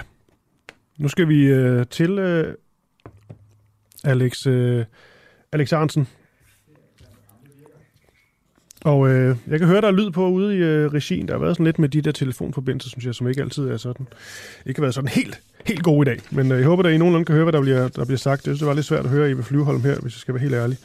Men øh, nu er det i hvert fald øh, Alexandren, jeg skal tale med. Han er medlem af Folkepartiet for, øh, for Dansk øh, Folkeparti. Spørgsmålet er, om øh, Dansk Folkeparti de, øh, har et behov for at bestemme, hvem der må forske. Altså hvilke personer, der må forske på universitetet. Og det er egentlig kommet, den, det er jo en debat, der er blevet rejst før, men øh, der var et øh, indlæg skrevet af netop Alexandersen, øh, forskningsordfører for Dansk Folkeparti i, øh, i Uni-avisen, hvor han øh, kritiserer nogle ret specifikke forskertyper, lad os sige det sådan. Og lad os også lige sige godmorgen til Alex. Godmorgen. Godmorgen. Jeg vil sige, Alex Arnsen, øh, efter lige at tale med Eva Flyvholm på en helt håbløs telefonforbindelse, så er det en fornøjelse at høre din stemme. Så går så klart igennem. DF, DF går altid klart igennem. Ja, det er godt. Undtagen René Christensen tidligere i vores, der ikke tog telefonen, men jeg tror, det var måske vores fejl, så det skal han ikke høre for. Nå. Nå. Okay.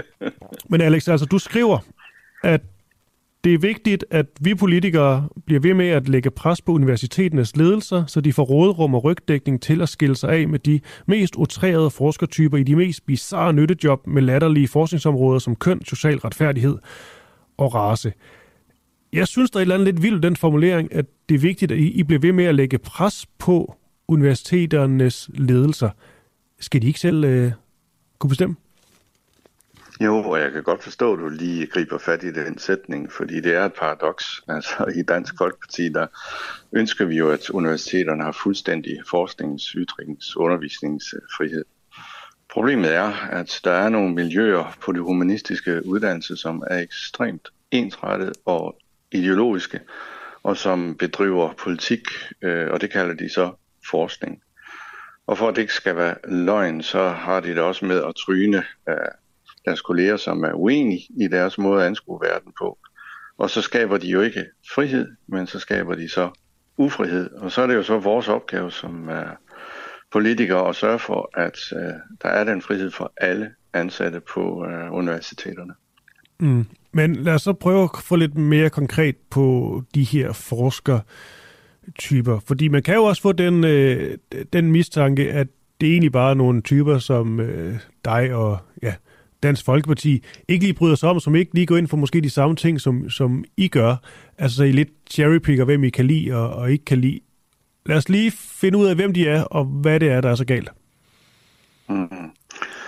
Vi har fået nogle anonyme henvendelser øh, fra blandt andet Københavns Universitet øh, fra ansatte, som var meget bekymrede. De turde ikke øh, stille sig frem, øh, men de gjorde opmærksom på, at der var en helt masse øh, kurser udbudt i nogle af de der emner, som uh, du lige nævnte øh, før. Og vi spurgte så forskningsministeren om det, og uh, hun kunne jo så hun kunne jo så sige, at det var rigtigt. Der var rigtig mange af de her kurser, især på Københavns Universitet og RUK og Aarhus Universitet.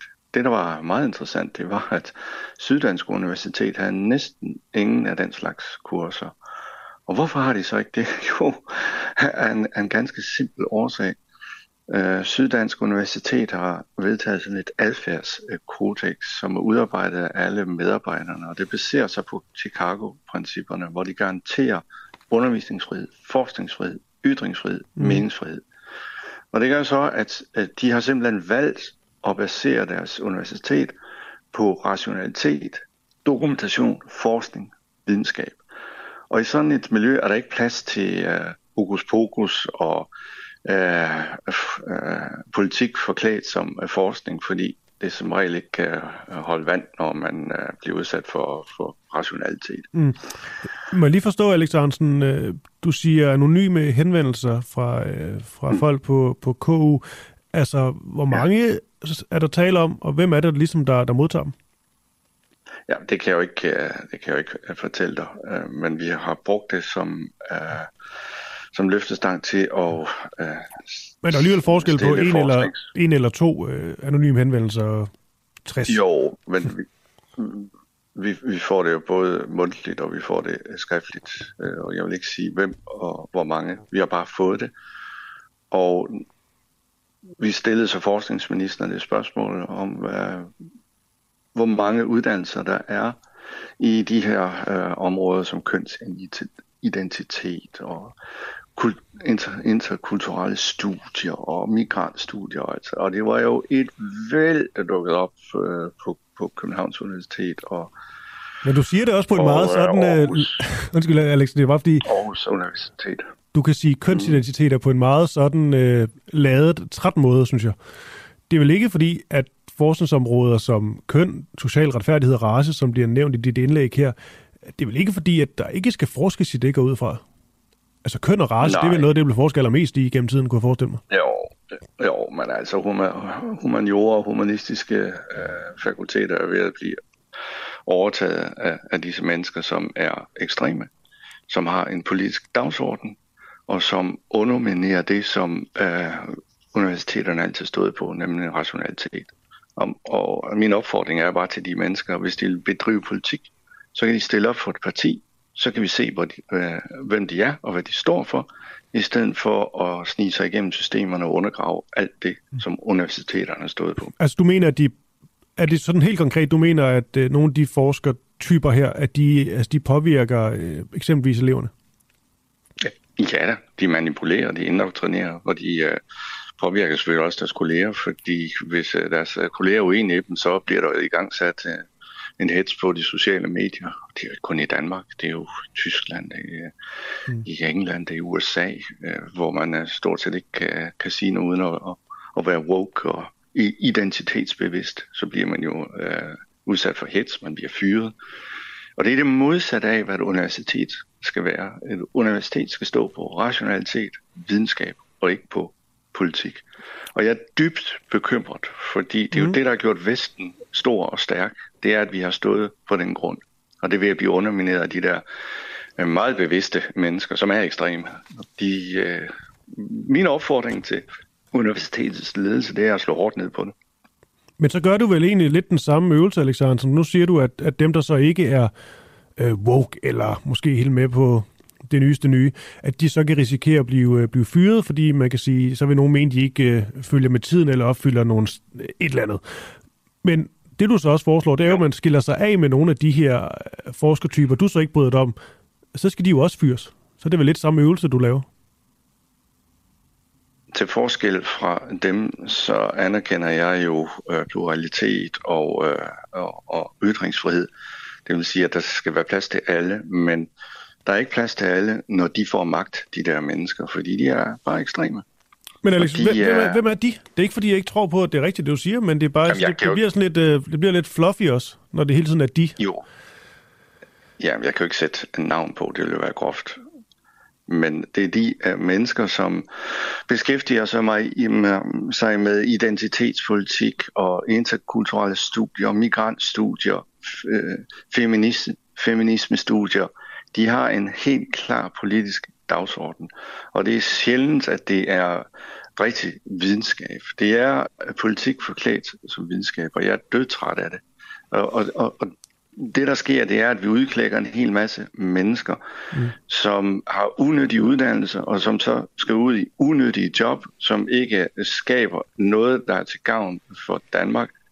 Vi, vi har langt øh, i højere grad brug for professionsuddannelser, naturvidenskabelig uddannelse, ingeniøruddannelse, noget, der skaber noget for Danmark. Det her, det skaber ikke noget for Danmark. Det tryner folk, og øh, der bliver ansat en masse underlige diversitetskonsulenter rundt omkring i kommunerne og i, og i det offentlige, der bare plager livet af folk. Hvad skal vi dog med dem? Ja, Jamen, du melder jo øh, klart ud, Altså, Det eneste, jeg lidt savner i din, øh, din kritik, hvis jeg skal være helt ærlig, det er ligesom, at det bliver lidt mere øh, konkret, for nu taler vi om, om et, et de og nogle, øh, nogle typer, som jeg jo godt forstår, hvem er og hvad du mener. Mm. Men det er ligesom det, og så er det nogle anonyme henvendelser, så altså, jeg savner bare et eller andet mm. sådan mere håndgribeligt. Jo, men nu er det jo ikke en rapport, jeg har skrevet. Det er et læserindlæg. Det er det en holdningens tilkendegivelse midt i en valgkamp. Øh, og jeg har jo øh, haft lejlighed til at drøfte det her ja. med universitetets ledelse ved flere lejligheder, og der har jeg også sagt til dem, I bliver nødt til at gøre noget ved det. Fordi hvis I ikke gør det, så underminerer I jeres egen øh, position i samfundet, og så gider folk ikke, at der skal gå øh, skatteyder penge til det her. Hvorfor skulle håndværker Hansen betale til det her, hvis hans, hvis hans penge går til, øh, til øh, politik forklædt som forskning? Altså, mm. han vil jo gerne have et universitet, der fungerer, og som er, er på videnskabelig øh, grund. Og det nogen af, af humaniores områder er det ikke længere. Og de ideologiske, og jeg advarer bare kraftigt imod dem, fordi de ødelægger universiteterne. Altså, da jeg gik på universitetet der i 80'erne og mm. 90'erne, der var det jo marxisme og socialisme og dekonstruktion og semiotik, men det var forholdsvis begrænset det, der er nu, det er langt farligere, fordi det breder sig øh, til alle humaniores øh, discipliner og mm. underminerer alt, hvad vi har stået for. Ja. For man kan lige sige, nu er jeg selv gået på, øh, øh, på universitetet. Øh, man kan lige sige, at, øh, at der vil jeg dog sige, at mit kritikmål, det var faktisk netop det der med marxismen. Er du sindssyg, hvor havde vi mange øh, med et marxistisk øh, udgangspunkt? Øh. Ja. Altså de, dem, der ligesom blev udvalgt, vi skulle, øh, vi, vi skulle øh, undersøge og læse om. Øh, det synes jeg var ret ekstremt. Men ja. Og, og det var også ensrettende dengang, og det var forfærdeligt. Men det, der sker nu, det er endnu farligere. Okay. Alex, du er meldt klart ud. Må lige her til sidst, når du har dig, her til, øh, fordi nu nåede jeg ikke tale med René Christensen, på grund af et eller andet med en telefonforbindelse. Men jeg vil jo gerne lige høre i forhold til den her. Jeg ved godt, det er en voksmetermåling, og det skal man tage med grænsalt og sådan noget. Men DF under spærregrænsen. Hvad tænker du? Ja, det er jo lidt, und det er jo lidt underligt med voksmeter. I sidste uge, der stod det til 3,4 i voksmeter, mm. og nu står det til 1,7. Voksmeter er ikke den mest pålidelige. Det, du kan stole på, det er Gallup, og så et gennemsnit af en måneds meningsmålinger. Og der står vi egentlig til omkring 2,5 øh, 3 procent. Øh, så det er faktisk øh, ret opløftende. Det går den rigtige vej. Kom ind, eller fortsætter hedder det. Ja, det, det gør vi. Det er jo gratis gæt, men øh, det er jo også, det er også over, at du har sagt nej. Men, øh, ja. ja. Skal vi ikke bare sige det? Det håber jeg da meget på, at vi gør. ja, det gør jeg egentlig også. Jeg, jeg, jeg ja. synes, det, der er brug for at tale med, med DF også. Du er, tak. Og du er forskningsordfører for netop DF. Kan du en god dag, Alex? Tak. Hej. Tak, Hej.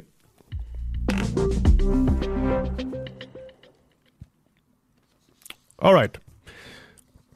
Og det mente jeg faktisk virkelig det sidste. Og det er altså ikke øh, sådan noget med, at jeg øh, øh, så skal sige, at man, jeg er DF eller noget. Øhm, jeg prøver så vidt muligt at stemme så blankt som muligt overhovedet. Men jeg elsker, at DF'er øh, har en stemme, som også ofte adskiller sig. Også at de er reelle mennesker. Det er ofte meget nemmere at tale med en DF'er end øh, en, en socialdemokrat, når det kommer til, til politik. Det vil jeg gerne sige helt åbent. Også fordi de altid tager telefonen. Du kan simpelthen altid få Dansk Folkeparti med. Og det er ligegyldigt, om det er spydspidsen eller ej. Det synes jeg er befriende, og det synes jeg, mange partier kunne lære noget af. Så på den måde, der synes jeg virkelig, at Dansk Folkeparti, de, øh, de, de er vigtige. Jeg vil personligt gerne have, at de bliver borgen. Så er sagt.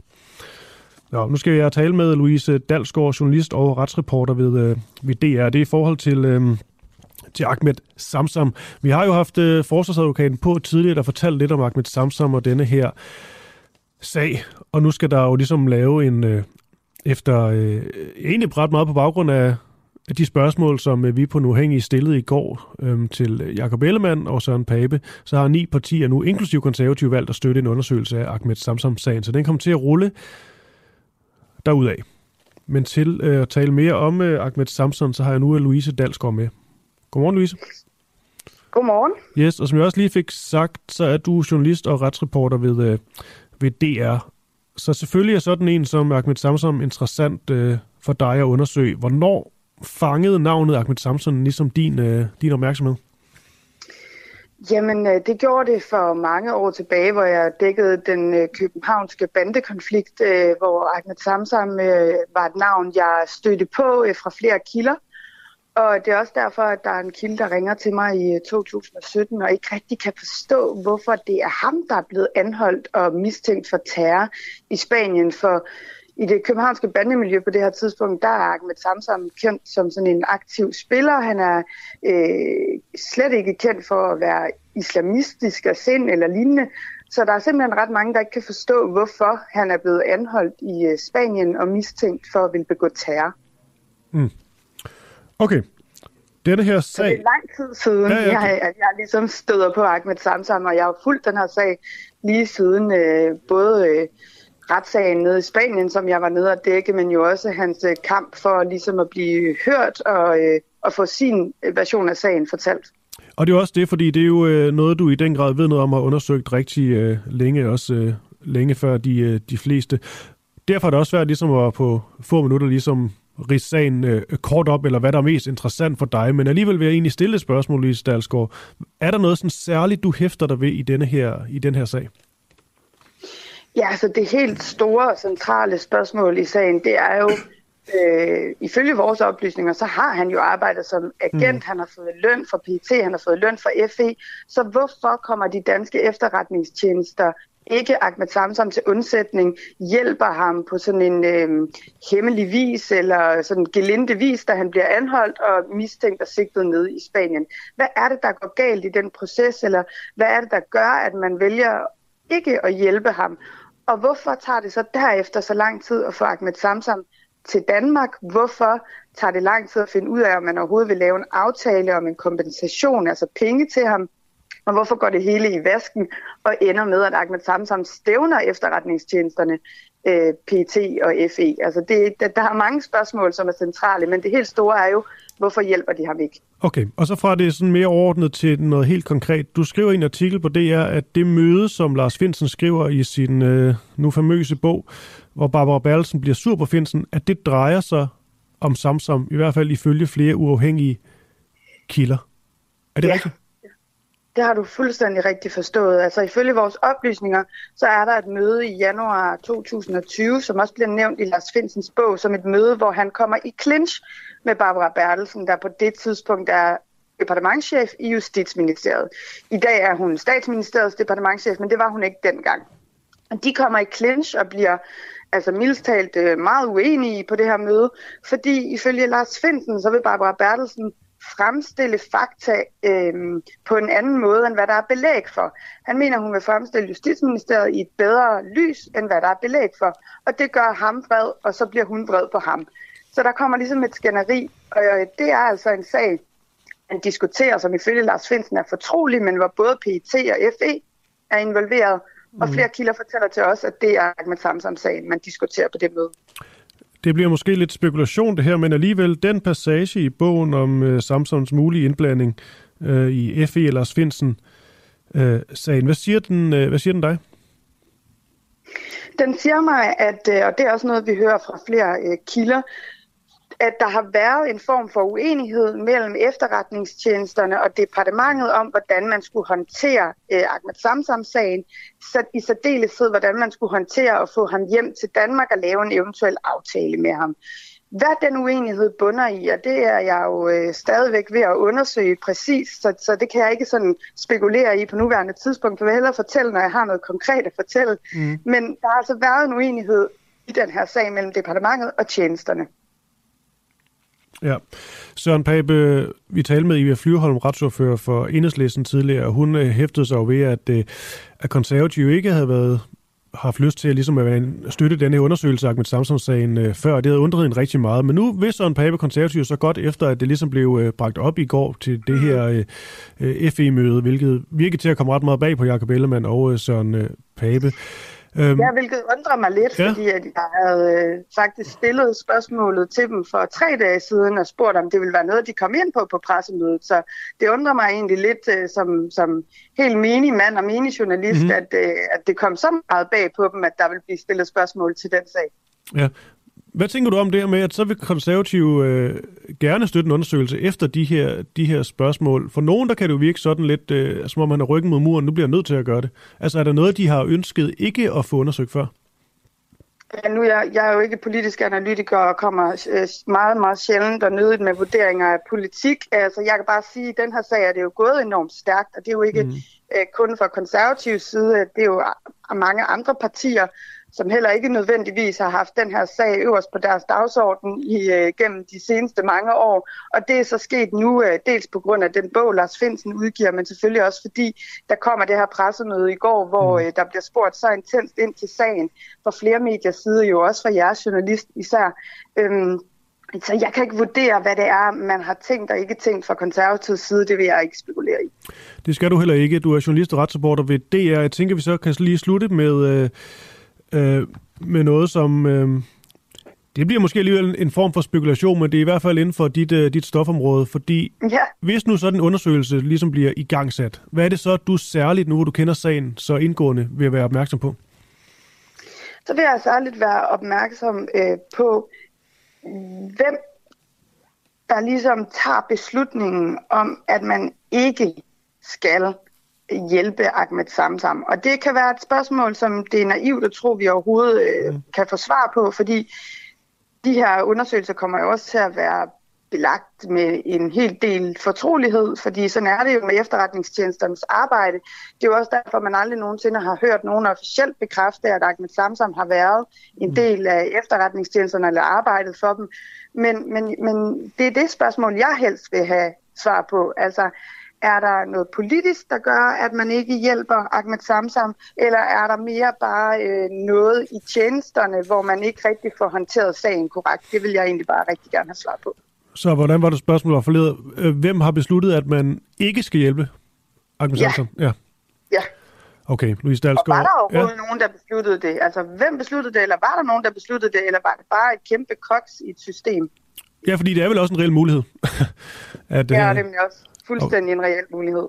Okay, Louise Dalsgaard, journalist og retsreporter ved, ved DR. Jeg vil egentlig bare sige uh, tak, fordi du er med. Det er altid dejligt at tale med en, der, der ved rigtig meget om en sag. Og, Selv øhm, tak. Ja, der kommer, ja, der kommer, ja, jeg skal lige så sige, at vi kommer til at tale igen, fordi der kommer i hvert fald til at være ske meget mere med det her. Det, det kan vi sagtens aftale. Det er da god. Kan en god dag. Det gør det lige måde. Tak.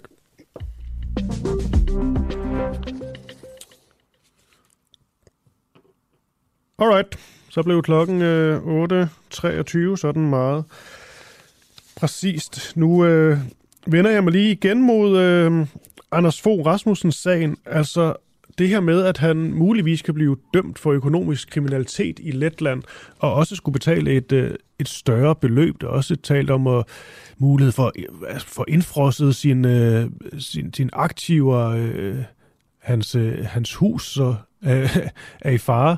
Øhm, alt muligt, fordi at øh, han har været, virker det til, lidt for tæt involveret med den lettiske bank øh, PNB Banka, hvor han var næstformand for bestyrelsen. De går så konkurs i 2019, cirka halvandet øh, år efter, at, øh, at han tiltræder som øh, næstformand. Så bliver der hævet en masse øh, penge ud lige kort før denne her, virker det i hvert fald til, kort før denne her øh, konkurs. Øhm, og derfor så bliver Anders Fogh Rasmussen nu øhm, så undersøgt af Lettis politi med simpelthen ø- øh, forbindelse, med anklager om, undskyld, øh, forbindelse til øh, økonomisk øh, kriminalitet. Han er altså også blevet stævnet, Anders Fogh, og det er den øvrige bestyrelse også nu for 240 millioner kroner. Og i forhold til den her indefrysning, jeg lige talte om, så har den lettiske dommer altså udstedt en såkaldt indefrysningsordre, der simpelthen giver konkursboet ret til at beslaglægge blandt andet hu, Fos hus i øh, Nærum og også indestående på hans, øh, hans konti, så det er absolut ikke for sjovt det her. Godmorgen til dig, Jens.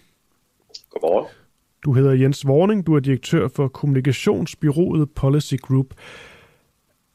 Den her sag... Og så, og ja, så er jeg kom med det. kommentator på Christi Dagblad. Det skal jeg selvfølgelig også med.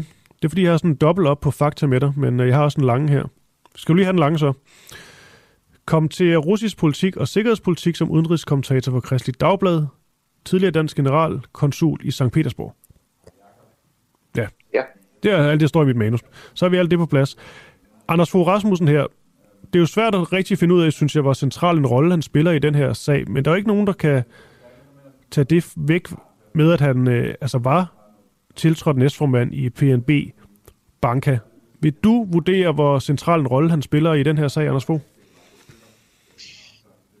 Altså, det juridiske aspekt vil jeg ikke vurdere særlig, særlig dybt, for det kræver særlige kompetencer. Mm. Men altså, han har siddet i en bestyrelse til bestyrelsesmøder og været med til at altså beløb på over, øh, jeg mener, en million euro eller deromkring, skal bestyrelsen godkende, øh, når der overføres.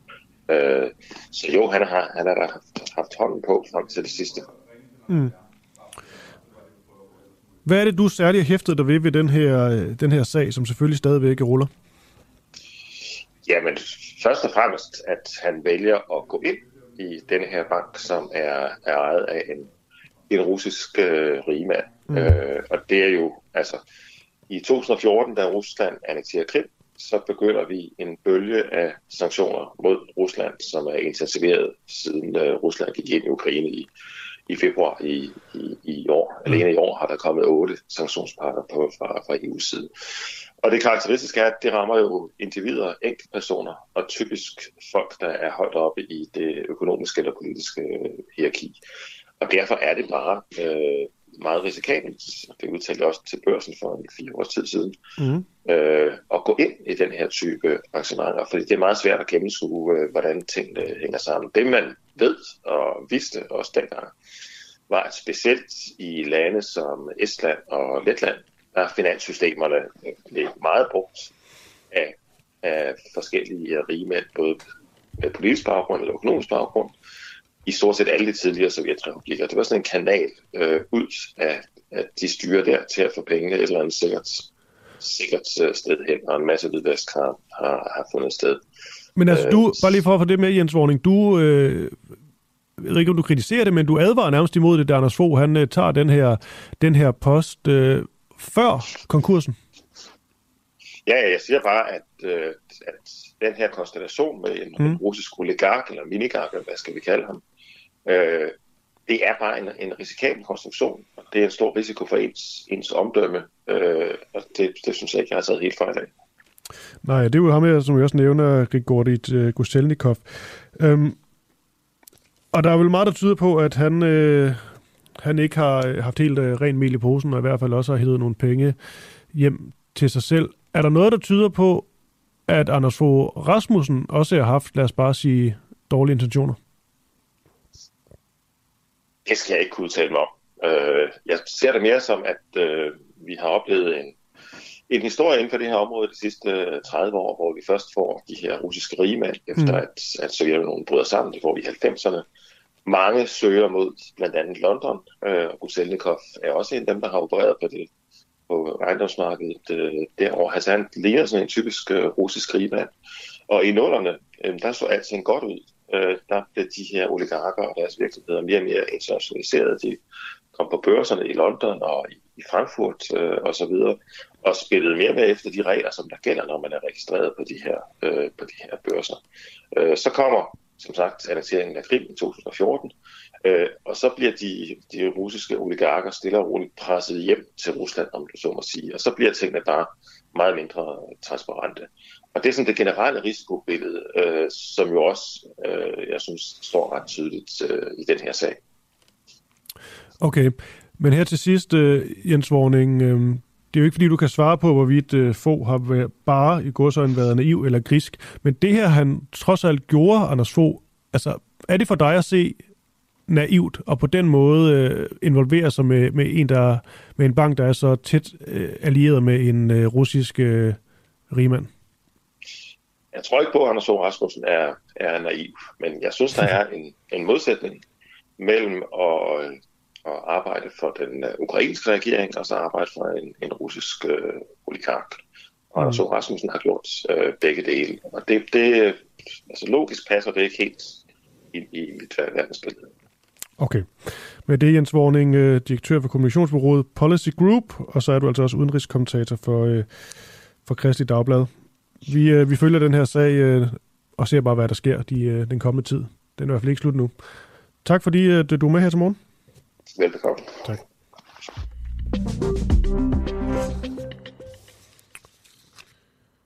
Glemmer politikerne at sætte handling bag deres egne klimaløfter, når de skal føre valgkamp for at komme i Folketinget?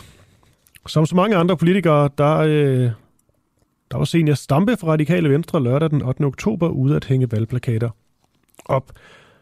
Forskeren er dog, at senior Stampe under sidste folketingsvalg i 2019 garanterede, at det var det sidste valg, hvor hun ville gøre brug af klimasvinende valgplakater. Så kan man undre sig lidt. Hvad, hvorfor hun så er ude og hænge plakater op igen. Det er jo sikkert noget med, at de her plakater så øh, kunne jeg forestille mig, at bliver genbrugt. Et eller andet. At det er de samme fra, fra sidst, eller... Og det samme med de her plastikstrips måske også. Men øh, det kan jo måske undre lidt. Hun havde en... Øh, hun skrev i 2019 på Facebook, lad os droppe valgplakaterne med udråbstegn og det hele. Er du med, Senja? Ja, det er jeg. Fedt. Nu sidder jeg og taler om dig sådan i, øh, i tredje person. Jeg kan lige så godt tale til du dig. Ja, Sige godmorgen, først og fremmest selvfølgelig. godmorgen. Du skrev altså i, øh, i 2019 på, på Facebook, jeg vil i hvert fald gerne udstede en garanti. Dette valg er det sidste, hvor jeg bruger klimasvinende valgplakater. Øhm, ja. Du bruger jo stadigvæk valgplakater. Er det så fordi, at de øh, sådan er genbrugsplakater, og derfor ikke er klimasvinende, eller hvad er tankene bag? At det er rigtigt, at øh, alle de plakater, jeg bruger, det er genbrug. Det er dels sådan cirka 2.000 af dem, som var dem, jeg hængte op sidst, og så har jeg suppleret med 200, hvor det er gamle plakater, hvor jeg har klistret en, øh, en ny plakat udenpå. Så det er genbrug. Men, Mm. altså, I hader jo hader I ikke folk. altså politikere, der svarer udenom og liv og så videre. Jeg vil gerne være ærlig at sige, jeg troede jo, at det var det sidste valg med valgplakat, eller det sidste valg med de der valgplakater, fordi på det tidspunkt, og vi var sådan midt i valgkampen, tror jeg, og, og vi alle sammen, eller jeg var i hvert fald optændt af den hellige ild, og tænkte, nu er det klimaet, det er simpelthen ikke sidste gang, at vi kører på forbrændingen med de der tusindvis af plakater. Mm. Altså valget før, der havde 5.000 plakater rundt på Sjælland, og det var helt sindssygt, da vi kørte dem på forbrændingen og så alle de andre valgplakater. Så jeg tænkte, at klimavalget det sidste gang, altså det kan vi jo ikke, det kan vi jo ikke gøre igen, imens vi, siger, vi snakker om klima. Så jeg troede selv, mm. at det var slut med plakater. Øh, så er det jo rigtigt, at jeg fik en lille smule kolde fødder, fordi jeg kunne fornemme, det stod jeg så alligevel ret alene med. Og derfor så smed jeg, altså i stedet for at køre på forbrænding med mine plakater, så, øh, så, så kørte jeg dem ned og satte dem i min fars skur, og det er så dem, vi har brugt. Okay. Men, men jeg vil helst have, at vi droppede dem. Jeg synes, det er noget svineri. Øh, selvom jeg så kan sige, at, at mine jo ikke har, har kostet mere klima, fordi det er bare nogen, der har genbrugt ellers var ind på forbrændingen, så, øh, så ærger det mig, at at, at der mm. ikke har været mere opbakning til det. Er, øh, er alt på de her øh, plakater øh, genbrug? Ikke strips. No. Øhm, og så er der også 200, hvor jeg har klistret en papirplakat ovenpå en, hvad kan man sige, en plastikplakat. Ikke? Det var jo egentlig det, jeg sagde, slut med plastikplakater, fordi jeg er jo så gammel efterhånden, at det fatter jeg ikke selv, at, øh, at jeg kan huske dengang, at vi lavede masonitplader. Øhm, og der brugte vi jo de samme plader valg efter valg efter valg. Det var også vildt svært, øh, fordi man skulle stå og klistre dem, og de var vildt tunge at hænge op, og dengang havde man jo ikke strip, så det var med sådan noget sejlgarn eller sådan noget øh, stoltråd. Øh, men jeg tror, det var mere miljøvenligt, fordi man brugte det samme igen og igen, og ikke smed det ud. Altså, det var det, jeg selv synes var rystende i den der mm. 2000 og... Og hvor mange år har vi nu brugt plastik. Det tror jeg, vi har brugt de sidste tre år. Øh, men forrige år, da jeg smed dem ud, altså ikke sidste år, den smed jeg jo ikke ud med forrige år. Altså det der med at se forbrændingen bare svømme fuldstændig over de der øh, plastikplakater, øh, der bare smidt, blev smidt ud, og jo, der er sindssygt dyre. Mm. Jeg, jeg synes, det var ret rystende faktisk. Men altså, men altså, du skriver jo, jeg vil i hvert fald gerne udstede en garanti. Det er det valg af det sidste, hvor jeg bruger klimasvinende plakater. Så kan man selvfølgelig sige, at, øh, at genbrug og du, altså, du genbruger plakater, det er, hvis man taler om, det er klimaskadeligt eller venligt, så er det vel mere klimavenligt end den anden løsning. Det med, at øh, du nu skal bruge, eller du bruger de her strips, som ikke er genbrug, det er så knap så klimavenligt. Men lige meget mm. hvad, så er det jo ikke det, der ja. ligesom kommer til at vælte noget læs. Men man sidder alligevel og tænker, Nej. når du udsteder den her garanti i 19, at øh, du lidt er løbet ja. fra, øh, fra noget, du lovede. Jamen, det, det, det siger jeg jo egentlig også ærligt. Ja. For jeg havde egentlig troet, at det var slut med valgplakater. Øhm, men havde du virkelig Men? Øh, jeg tror du alle bare politikere ja, ville sige, nu er det slut? ja, ja, måske var jeg grebet rimelig meget en heldig ild der. Jeg synes, det var noget svineri. Altså, prøv at tage ud på forbrænding efter det her valg også. Jeg synes, det er ret vildt, og især når vi hele tiden snakker om klima. Og så ved jeg jo godt, at det ikke er de der plakater, der gør den store forskel. Altså, det er jo det, jeg også får at vide af, af, af, mine, øh, altså, af alle mine kolleger. Øh, der er måske nogen, der er enige, men, men de fleste er uenige, og, og og der er jo sådan set også, øh, altså vi har diskuteret de her valgplakater også før, vi snakkede om klima, fordi det er det, det koster så meget arbejde og penge osv., det er det værd, mm. men det, valgforskerne siger, at de får flere til at stemme. Jeg synes jo alligevel, vi burde finde nogle andre måder at gøre det på, fordi selvfølgelig er det ikke de plakater, der gør udslaget, men det er jo alligevel udtryk for sådan en altså, køb og smid væk kultur. Hvis vi virkelig mener, at nu skal det være cirkulær økonomi, og vi skal tænke mere på vores forbrug, og ikke øh, jeg hverken brug for meget øh, plastik, og i det hele taget det der køb og smid væk, så er det der bare en, egentlig en ret klam forbrugsfest. Ikke? Mm. Det er fire uger, og jeg ved ikke, hvor mange ton der er, der ender på forbrænding. Og man kan sikkert, det, jeg tror, der var faktisk sidste gang nogen, der begyndte at prøve at genbruge dem til et eller andet andet end valgplakater. Men, men jeg, synes, jeg synes, vi burde gå foran der. Øhm, og, men, men det er jo en tilståelsessag i den forstand, at jeg turde jo heller ikke så være den eneste, der ikke havde valgplakater. Nej, fordi men jeg valgte så... Ja Nej, fordi jeg, ja, men jeg valgte at genbruge... Ja, undskyld, nej, det...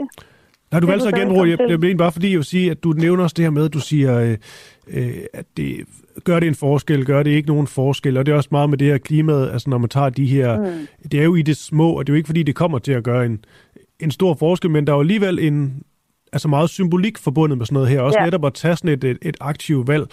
Og på den mm. måde, du er egentlig lidt inde på det her, men du, ja. kunne jo, du sagde så, du ikke turde, men du kunne jo netop ja være den, der går forrest. Der er jo en eller anden, der på et tidspunkt Ja. også skal sige, jeg dropper de valgplakater, Ja. og jeg gør det med, med rank ryg, og så må det koste, hvad det vil. Og Altså det- også, også i forhold til, at ja. det måske kan koste øh, stemmer, ikke? Men det er rigtigt, og, det, og, øh, og man kan sige, at den overvejelse er jo stadigvæk i mit hoved, fordi jeg har jo ikke tænkt mig at gå ud og købe nye plastikplakater. Altså det vil jo være, øh, det, det, det synes jeg vil være ret vanskeligt. Så, så man kan jo sige, øh, om 14 dage, når I hiver de der valgplakater ned, altså kan de genbruges igen næste valg, eller hvad skal jeg gøre? Eller skal jeg så ud og købe ny plastik, og så gå på kompromis med det, jeg har sagt? Altså det er da, det, det er jo allerede, den overvejelse har jeg da allerede nu. Hvad gør jeg? Øh, eller om otte år. Det kan jo godt være, at den plakat den kan holde igen, men altså, jeg bliver jo også ældre, men øh, det kan jo være, at øh, jeg kan vinde nogle stemmer på at blive ved med at stemme ud. Men så kan vi Ej, jo også... Men altså, så men, derfor kan det jo godt være, at det er næste gang, at, øh, at jeg ikke har plakater op, men det, det er i hvert fald, det, det er jo de overvejelser, jeg går med nu. Hvor lang tid kan det her holde, hvis jeg egentlig gerne vil holde fast i princippet om, at jeg skal ikke ud og investere i ny plastik og køre noget på forbrændingen. Øh, kan de så holde næste gang, og hvis de ikke kan det, øh, er det så slut, og, eller skal det være slut under alle omstændigheder? For som du siger, er det måske det, man så skal gøre, at gå foran og så sige, jamen, så tager jeg det valg. Øh, jeg, jeg, altså, jeg tror desværre ikke rigtigt, at, at det kommer til at ændre meget stort, at jeg alene gør det. Men, øh, men, men omvendt, så kan det jo måske alligevel være nødt til at understrege et budskab. Ja. Så det vil jeg bare sige, det overvejer jeg allerede, og jeg regner med, at vi også kommer til at snakke om fire år, for at se, hvad, hvad det så ender med. men du vil ikke udstede en, øh, en garanti denne gang? Jeg tror, jeg var for hurtigt på tasterne i forhold til at udstede en garanti. Det skal man altid passe på med. Ja. Omvendt har det jo givet mig et godt benspænd, fordi jeg jo ikke har købt nye plakater mm. og vist, at man kan sagtens genbruge. Øh, så, så på den måde synes jeg jo sådan set, det har, været, det, har været, det har både været godt for klimaet og godt for min kampagne, fordi det har jo også sparet mig for en masse arbejdskraft og en masse penge at bruge genbrug. Mm. Øhm, men jeg er lidt i tvivl om, hvad jeg gør næste gang. Øh, jeg, tror ikke, jeg tror ikke, jeg skal ud og købe ny plastik, men det jeg måske skal, hvis de ikke holder, det er måske at købe et nyt parti af genbrugsplakater, mm. og så klistre en, øh, en, en, en plakat af mig selv udenpå. Det er jo faktisk det, jeg testet det her valg med de 200 plakater, hvor vi købte, altså hvor vi klistrede papirplakater udenpå. De er så bare, øh, mange af dem er faldet ned, så det der gamle tapetklister, du er altså ikke så godt på de der plastikplader, så der skal altså på en eller anden måde innoveres lidt. Eller også så skal jeg tilbage med masonit, det kunne jo også være en Og du- løsning. Det er og- bare sindssygt besværligt, ja. men, øh, men, men hvis det er mere miljøvenligt, Ja, øh, den, den, den nemme løsning var også bare så kunne det godt være. Den nemme løsning var også bare Signe Stampe. Jeg er glad for, at du bare svarer så øh, klart på alle spørgsmålene. Men den nemme løsning har også bare været, hvis du sagde, øh, det er ikke noget at vi overvejer, hvad der sker næste valg. Du bare siger, næste valg, lige meget hvad der sker, jeg har ikke nogen valgplakater. Der kan man så selvfølgelig... Jo, men så vil jeg jo måske være for hurtig igen, ikke? Jo, men det- jeg forstår godt, hvorfor du- jeg, du gør, som du jeg tænker Det- over det. Men øh, nu har jeg prøvet at svare så ærligt som muligt på dine spørgsmål, i stedet for at Ja. svare udenom. Og, og, og nogle gange er man jo også øh, lidt for hurtig. Og, men altså, så jeg på den ene side har jeg nemlig også lidt, øv, altså hvorfor har jeg egentlig valgplakater? Jeg vil gerne have Ja. undværet det, og jeg vil gerne have, at vi alle sammen und, altså ikke havde det. Øh, omvendt, øh, ja, så har jeg genbrugt, så jeg synes øh, heldigvis ikke, at jeg har været ude og, og købe en hel, hel masse ny plastik og belastet klimaet. Mm. Men der er noget symbolsk i at turde gå foran og sige, så er jeg den første, der lader være Det er jo det. med at have dem, og viser, at man godt kan klare sig alligevel. Ja. Øhm, så det kan være, at jeg bare lige skal... Øhm, jeg lige skal... Øh, hvad, jeg var ved at sige, at man må op, det ved ikke, om man må sige noget om dag. Øh, men lige øh, øh, give mig selv lidt power og have mod til at gøre det næste gang. Øhm, øh, for ellers så bliver det måske med de samme plakater. Så kan man måske også sige, det er måske også sådan lidt øh, forkert at køre med det samme øh, unge billede valg efter valg. Når man, når man, altså næste valg, der nærmer jeg mig over 50, der går det jo ikke længere lige en på 35, eller hvad det er. Ja, det, må du, det ved jeg sgu ikke. Det, må, det, er, jo, det er jo lidt op- til en selv. Men, Så er der nogle andre, Ja. der kommer efter mig. Så.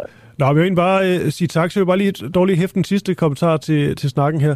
Der er jo også det lille problem, øh, det er ikke fordi, vi skal tage det nu, men det med, at hvis man så siger, nu gør jeg det bare på sociale medier, så på en eller anden måde, så giver man også bare endnu mere til de her tech-giganter, hvor man tænker, hvor meget gør de for, for klimaet og for, øh, for Jamen, ytringsfriheden du har og helt den ret. slags, Altså, man bliver jo jamen, helt ret. Altså, nogle gange bliver man overrasket over, når man tror, at ting digitalt, det er gratis, så finder man ud af, eller ikke gratis, men altså klimaet er gratis, så står der jo nogle server et eller andet sted og pumper afsted, så det har jo også en miljøbelastning. Så du har jo ret. Oh, og det er derfor, man skal, man skal tænke sig godt om, og det er ikke altid den nemme løsning, der er alligevel den bedste løsning. Men jeg vil nu alligevel sige, de der plastikplakater, som frivillige, og når man er ude og hænge plakater op, så er det fedt, det kan jeg godt sige. Det, det vejer altså en femtedel af, hvad en masonitplade vejer. Man kan hænge den op alene. Det, det er super fedt. Men Men altså, det er noget svineri, når man tager ud på forbrændingen bagefter. Og der er, når det kan godt være, at det ikke er det, der vælter det danske klimaregnskab, men der er bare en eller anden symbolik i det. Ikke? Og så er det godt være, at jeg kun er opstillet hver fire år, men vi har jo også kommunalvalg og regionsvalg og EP-valg og så videre, ikke? Så, og folkeafstemninger nogle gange, så det summer alligevel op. Så øhm, jeg Ja. synes, vi politikere burde gøre sådan nogle overvejelser om, hvordan vi også kan gå foran på det her område. Øh, det andet er, det, det, det er altså lidt, det er ikke vores, talk i forhold til at, at indrette det hele mere klimavenligt. Men du har så også ret i, hvis det hele så bare bliver digitalt, det betyder, at der står nogle øh, server og pumper afsted et eller andet sted.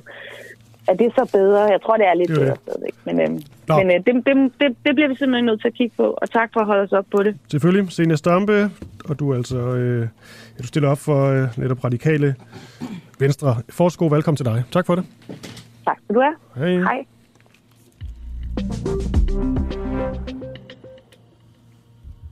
Ja. Godmorgen, Camilla. Godmorgen, Christoffer. Klokken er det dumt. Klokken er blevet 8.43. Og jeg er ankommet. Ja. Lidt sent, men okay. Så kan jeg da nå det sidste interview. Ja, og det med Jacob Engel Schmidt. Det er korrekt.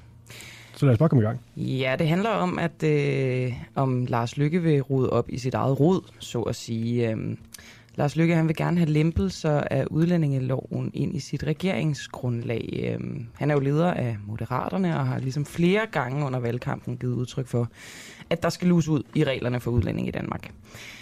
Men i Lars Lykkes sidste regeringsperiode, der lavede den daværende udlændingeminister fra Venstre, Inger Støjberg, de her berømte 114 stramninger. Mm. Det vil sige lovændringer, som skulle gøre det sværere og mindre attraktivt for flygtninge og migranter at komme til Danmark.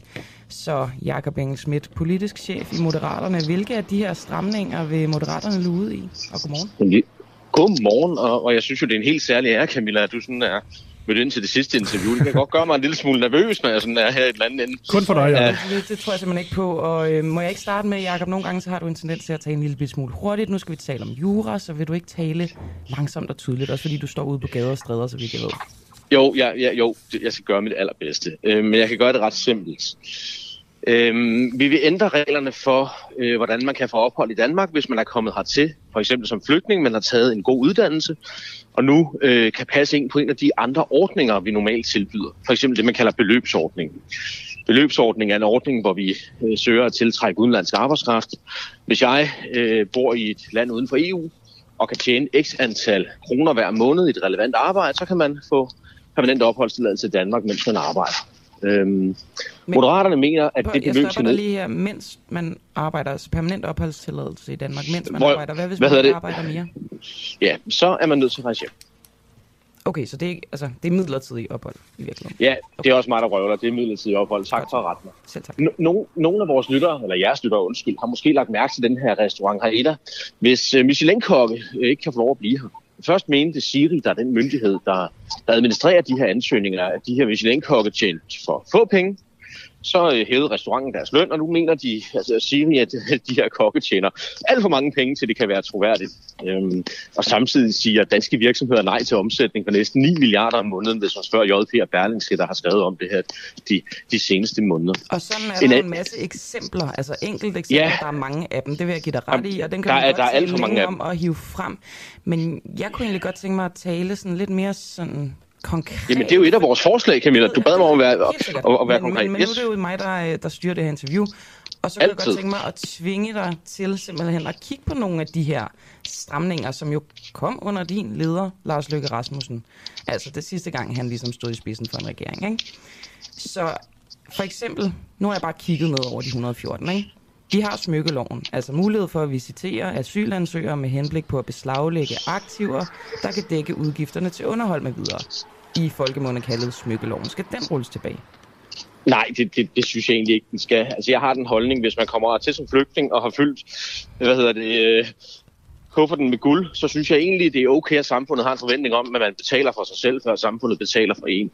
Altså, Alright. og, altså det, men, men, men, men Camilla, må, må jeg ikke lige have lov at sige en ting?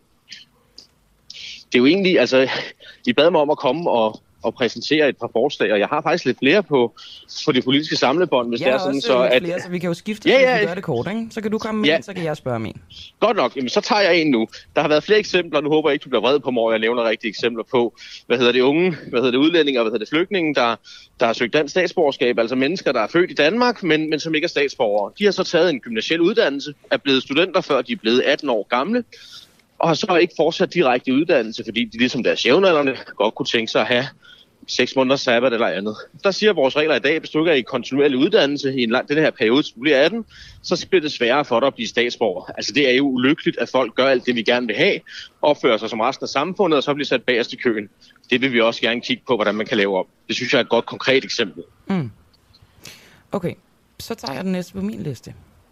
Okay, jamen det, det, det, det glæder jeg mig lidt til. Altså, Der er en, der det er hedder, altså en af de her Inger Støjberg berømte stramninger, ikke? en der hedder afskaffelse af adgangen for børnefamilier i udsendelsesposition til indkvartering i selvstændige boliger uden for asylcentrene.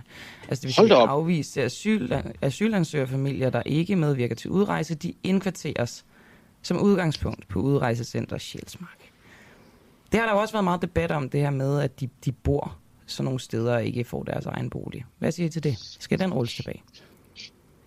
Der må jeg være der svar skyldig. Altså, jeg har et princip om ikke at svare på spørgsmål, jeg ikke kender substansen i, og jeg kender ikke substansen i den, den, den lov. Det er jeg ked af. Det, det må I meget gerne en anden gang spørge mig om på forhånd, så jeg har en mulighed for, for, for, for at forberede mig. Det giver, tror jeg, bedre ret for både lytteren og Det er os du alle andre. ret i. Må jeg så prøve en ny, som du måske har en holdning til? Ja. Udskydelse af retten til familiesamføring for personer med midlertidig beskyttelse.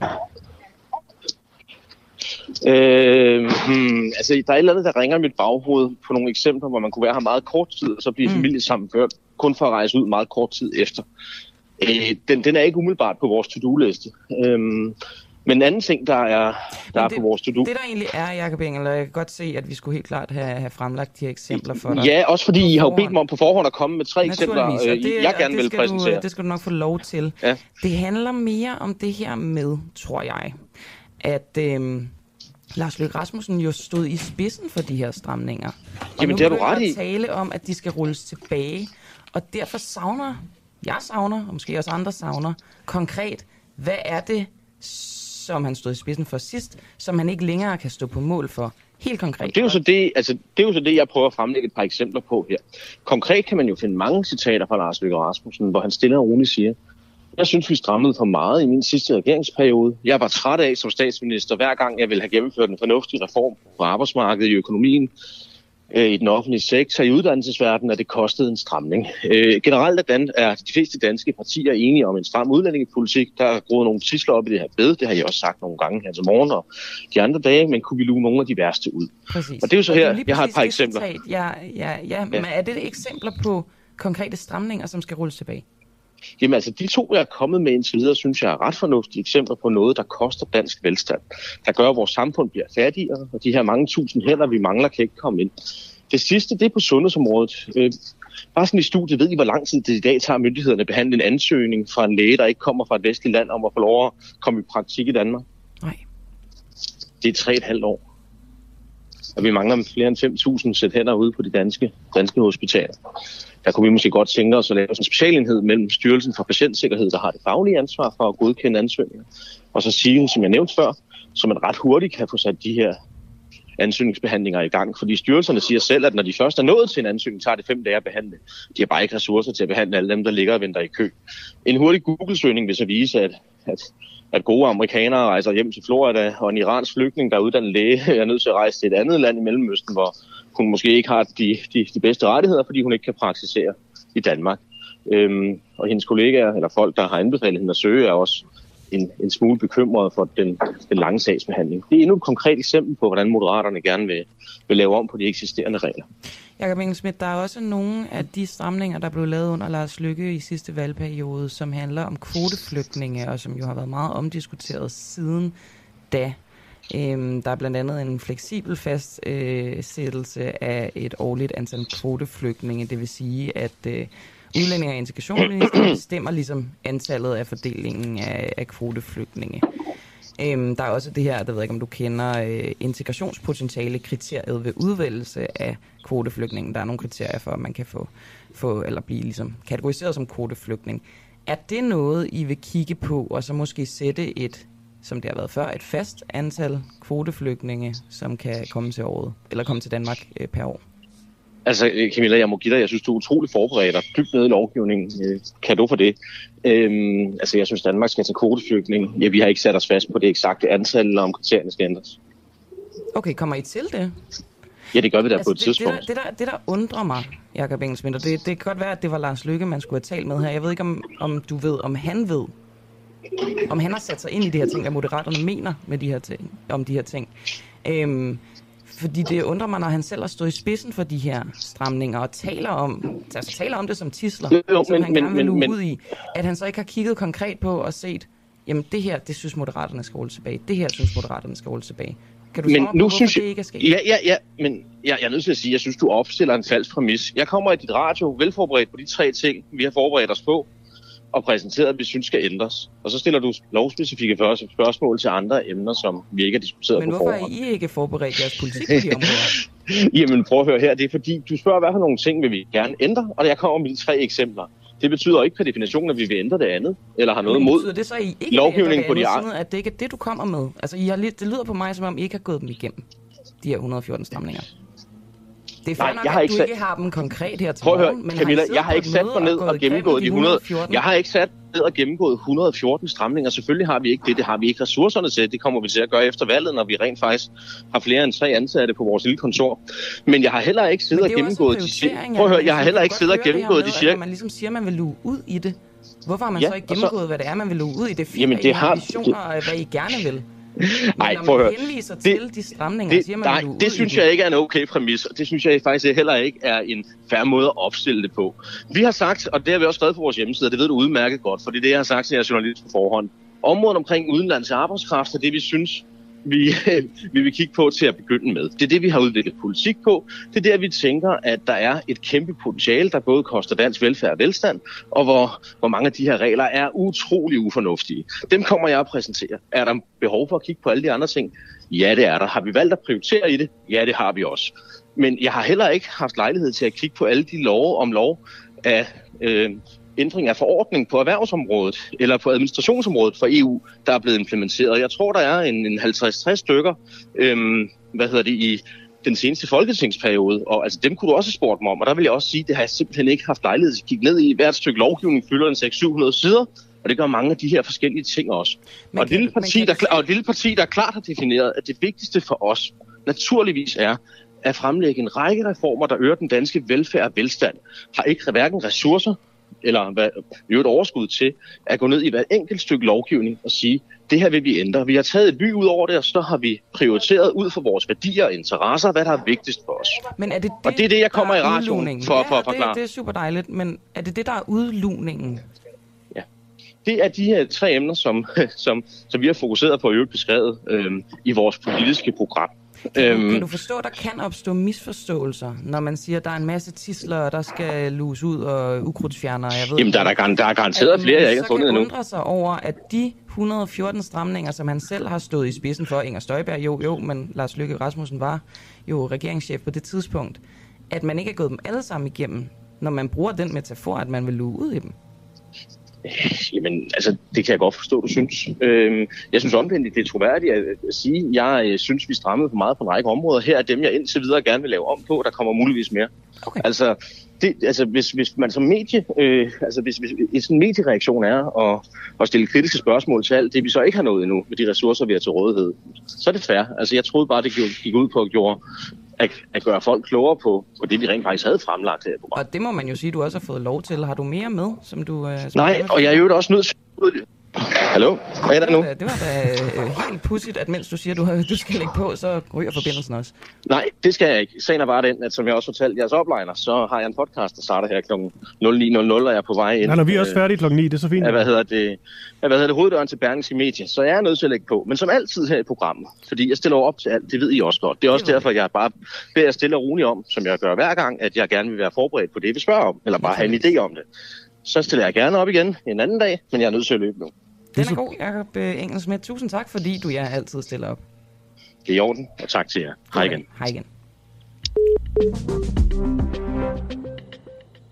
Således altså Jakob Engel Schmidt, Christoffer Lind og hej. Det er lidt underligt, at jeg kommer ind for højre på den her måde. Det Det, var det er jo godt. rigtigt nok, at jeg har siddet og kigget ned i denne her, øh, denne her lovgivning. Ja, det var da, det var da godt interview, der var der gang i den. Øhm, jeg ved ikke, om vi så ikke har gjort vores forberedt om helt, øh, som han, han skulle. Eller sådan noget. Den tager vi bagefter. Men jeg vil faktisk sige, du fik jo Jacob Engel Schmidt til at sige, nu skriver jeg lige ned her, det kan jeg godt forstå, at du synes. Det sagde han til dig. Det er tæt, som kommer på indrømmelse fra Jacob Engel Schmidt. Det handler jo mest af alt om, det er ikke fordi, at jeg havde til sinde at, øh, at fange ham på noget overhovedet. Jeg tror bare, jeg antog, at man havde kigget dem igennem, når man vil sige, at når man går rundt og siger mange gange i løbet af valgkampen, at man vil luge ud i det. Ja. Og det er jo, altså det er jo, hvad skal man sige, stramninger, Lars Lykke selv har været Og jo også ved at have lempelser af udlændingeloven ind i regeringsgrundlaget. Det er jo ikke, det er jo ikke småting. Så er jo de her 114 stramninger, skal jo lige siges, at der er mange af dem, der aldrig rigtig er blevet effektueret. Og korrekt. det simpelthen bare står som Ja, det har. Berlingske lavet en, øh, i 2019 en øh, rigtig fin opgørelse over, at øh, ja, mange er rullet tilbage, andre er slet ikke blevet brugt. Nogle er blevet brugt meget lidt. Og lige oven på det interview, synes jeg lige, vi skal have den her vidunderlige skiller, vi har. Er du klar? Ja. Jamen, jeg, har lige, jeg skal lige sige måske, fordi min øh, søn han sagde, hvad skal du lave i dag, mor? Nå. Jamen, øh, jeg, skal, jeg, jeg, skal, jeg har et interview nu her. og så fortalte jeg det jo med jer, så sagde jeg, mor for helvede, de griller dig. Det er jo sådan nogle, der griller folk. Hvem er det? Det var en, øh, en sød, øh, sød dame, dog rent faktisk politiker. Jeg vil lige sige, at vi gik, øh, så vidt jeg husker interviewet, det var sådan lidt mest sådan et, øh, for hende til at øh, give en kritik af noget, så jeg gik sådan overhovedet ikke til hende, så vidt jeg føler. Nej, men altså, jeg føler heller ikke, det der præmissen med at grille nogen, den eksisterer overhovedet ikke for mig. For at være helt ærlig. Nej. Aldrig. Jeg er bare nysgerrig. Ja, ja. Og Nå, nu- men det... Ja, nu, klokken er også blevet sådan, at der er 50 sekunder tilbage af den her udsendelse. Og vi kan da egentlig sige, at i morgen, der er det øh, klar vind, og øh, jeg har sagt hendes navn rigtig mange gange i dag, på grund af det, der skete i går med Ahmed Samsam og spørgsmålene til de to øh, herrer. Ellemann og Pape? Yes, med sol lige i ansigtet. Men det er altså Clara Vind og øhm, Christian Henriksen, som er jeres værter i, øh, i morgen, og det er som altid klokken, øh, klokken 7 til 9. Det plejer at være øh, fornøjeligt og kvalificeret og skarpt og sjovt og alt muligt, når de to sidder bag mikrofonerne. Så det glæder vi os til. Ja. Modsat også to trætte gamle dinosaurer. Ja, især mig, ikke? Jo, det er godt ungdom. Har det været en okay morgen? Ja, lidt bøvl teknikken, men øh, han gjorde det godt derude, altså, Brøndum. Alt, hvad han kunne. Og tak til ham, og god dag til jer derude.